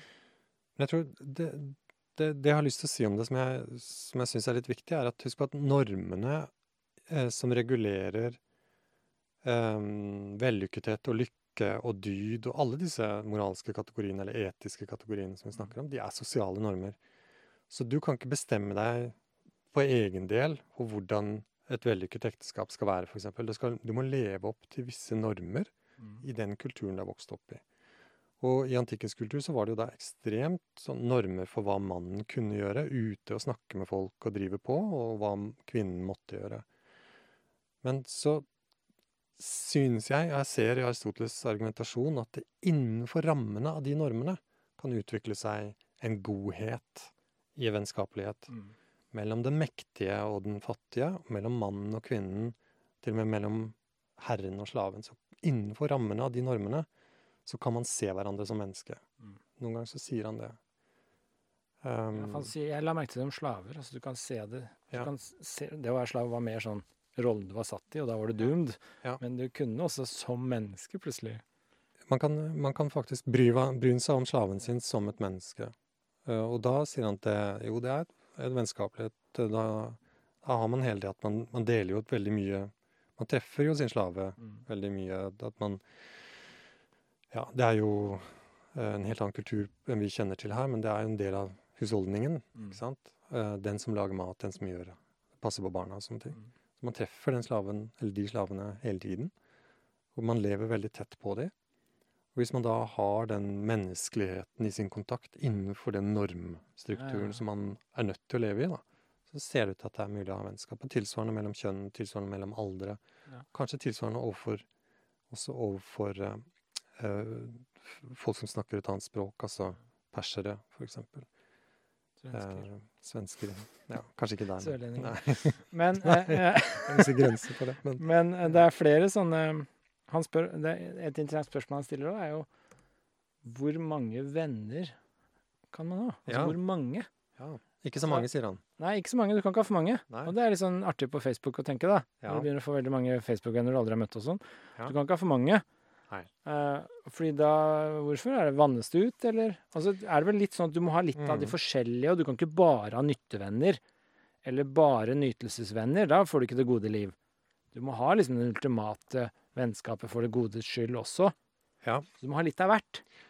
Ja, du får sånn måte, generelt liksom. Men du du, kan ikke ha for mange eh, venner, eksempel. Generelt eh, så får du sånt inntrykk av at det å ha en, en sånn god vennskapspraksis, eller et godt vennskapsliv, da, Mm. Det krever veldig mye av deg som sånn Ja. rundhet av deg som person. For at du, hvis du er veldig hard og, og kjelkete Han sier om det sånne maktpersoner, eksempel. De har noen folk som de syns er morsomme å være sammen med, og noen som de syns er nyttige å være sammen med. Mm. Altså folk som de kan låne penger av og sånn. Uh, men de har egentlig ingen venner. Uh, Så han vi, bare, vi skal bare ha noen få. Vi skal ikke ha for mange. Ja, så grunnen til at vi skal ha noe få Jeg prøver å bla i boka for å finne ut av det. 257 står det. 257. Litt seint, ja. Det Det er litt sånn rare ting, er det det? Ja, der er det ikke det. Eh, Hvor mange bør Ja, der er det, Ja. Hvor mange venner bør vi ha? Vi bør ha noen få. Vi vil være fornøyd hvis vi bare finner noen få slike, sier han til slutt. ja. Vi kan ikke forvente for mange. Nei, og det er jo Det er derfor man ikke kan elske mange mennesker, sier han. Siden Ja, dette er en form for overflodsvennskap, og dette er man bare overfor ett enkelt menneske. Men det, jeg bruker det ordet som er elske, oversett med elske der, det er eh, en av grunnene til at jeg begynner å snakke om tiltrekning. fordi hvis du er tiltrukket til én person, så vil det jo den retningen du vil være der. Så du kan ikke være tiltrukket liksom, til tre samtidig, da. Du kan være tiltrukket til én på mandag, en på tirsdag, en på onsdag, men da faller du fra hverandre Ja, som karakter. Men tiltrekning er sånn at du vil bort dit, ikke sant? Så du kan ikke ville en motsatt retning samtidig. Nei, nei. Altså, du vil ha en tiltrekning Det ligger liksom i sakens natur at du vil være nær den. Men da snakker vi om den gode form for vennskap, denne for ditt gode skyld. Ja, det Ikke gjør det. Den høyeste formen. Du kan være en, nyttig å ha mange. Ja da. Du kan dele det opp. Men du klarer ikke å Det er litt sånn som Klarer du å elske Hvis du er i et heteroseksuelt forhold, da. Ja. Klarer du å elske to kvinner, da, for vår vedkommende, Ja. helt likt? Like mye? Det er et ganske godt spørsmål. Det er et veldig godt spørsmål. For det er Sånn- vanskelig å se for seg. Du kan elske den ene på en måte, den andre på en annen måte. Kanskje du kan elske den ene mer enn den andre. Men klarer du å elske begge to helt likt? Kvalitativt helt likt? Det er Mm. vanskelig å se for seg. Og det er litt det du sier, at det er dri-elsk. Det å elske noen er liksom å ville den godt, og være villig til å gå ut av din vei for den. Da er det vanskelig å se for seg to. For da må du gå ut av den enes vei for å redde den andre, men det vil Ja. du ikke. Og, og, her skal du ikke gjøre det én på mandag og én på tirsdag, men du skal Nei, gjøre begge likt. samtidig. Det Ja. er det som er vanskelig. Så flerkoneri er vanskelig. Flerkoneri er vanskelig. Det er det. Uh, så jeg, jeg, sånn som jeg oppfatter det, da, så, så er det det at, um, at du investerer veldig mye, Mm. for å bruke en sånn pengemetafor. Så det ligger et veldig engasjement av oppmerksomhet og hengivenhet Mm. i de personene som, som du vier deg til. Da. Det er en sånn commitment-teori i det. Altså at du vier deg veldig sterkt til en person som du deler veldig mye av det gode med. Mm. Uh, og i og med at det er så høy grad av um, investering i det, så er det begrenset hvor mye vi kan investere. Jeg tror du kan ha flere venner sånn sett, at du kan investere mye i nærhet og uh, intimitet med venner. Uh, men der tror jeg det med Eros er litt separat, altså mellom Ja, for du kan begjære liksom fem stykker, men du kan ikke liksom Ja, det elske alle fem. Det kan du jo. Du kan jo begjære flere Ja, ja. på en gang. Ja, du, så du Er det begjærer Er det bare meg? det kan du jo.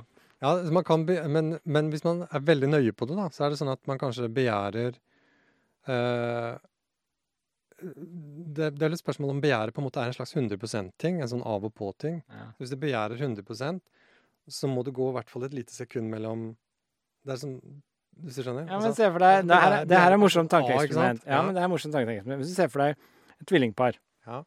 To damer som er helt like. Ja. Og så begjærer du dem. Du klarer ikke å se forskjell på dem. Er det umulig å tenke seg? Du begjærer begge likt. Jeg roer det helt ned på et sykt nivå. nå. Jeg ble helt satt ut, jeg. Ja. Det var sånn billig i hodet. Ja. ja, ja, ok. Men, eh, Men, Nei, det er interessant men, eh, sånn psykologisk så, så, så veit jeg ikke. Men jeg, jeg, alle veit jo at det går an å begjære mange ja. uh, kvinner, begjære mange venner, og ha et begjær som går i kryss og tvers hele tiden. Men det kan hende at det er et interessant psykologisk spørsmål om, om selve det å begjære er en utmattende Mm. utfoldelse, Ja, altså som er, som er total, da. Slik at når du føler at du begjærer eh, mange samtidig, så er det slik at du begjærer 100% person A, og så går det en liten ti Ja, ja. sekunders ting, og så begjærer du Det er og som så- Men så opplever du det ja. ja. samtidig. Det er som fokus. Du klarer ikke å ha 100% fokus på to ting samtidig. Nei, det er omtrent sånn, tror jeg. Og det ser ut til å være poenget hans med Eros, da. Hvis du tenker, At, Se for deg Don Juan, da, denne karakteren, denne myten som på en måte begjærer en haug med kvinner. Ja. Så er det jo ikke Poenget med den er jo at det, det er jo ikke hver enkelt av de han begjærer. Han begjærer dette idealet om kvinnen. Ja. Så han søker en slags arketype. Ja. Og så kan mange spille den rollen, men da er det egentlig én ting han har fokus på. Ja, det er det. Og det er ingen av de. Nei. Det er det som er så frustrerende for de, ikke sant. det um, og for han. Hvorfor han? Det, det skal han ha. Men eh, hvor, ja, så vi kan ikke ha for mange venner. Det er poenget her. Ja. Men jeg har jo tre barn.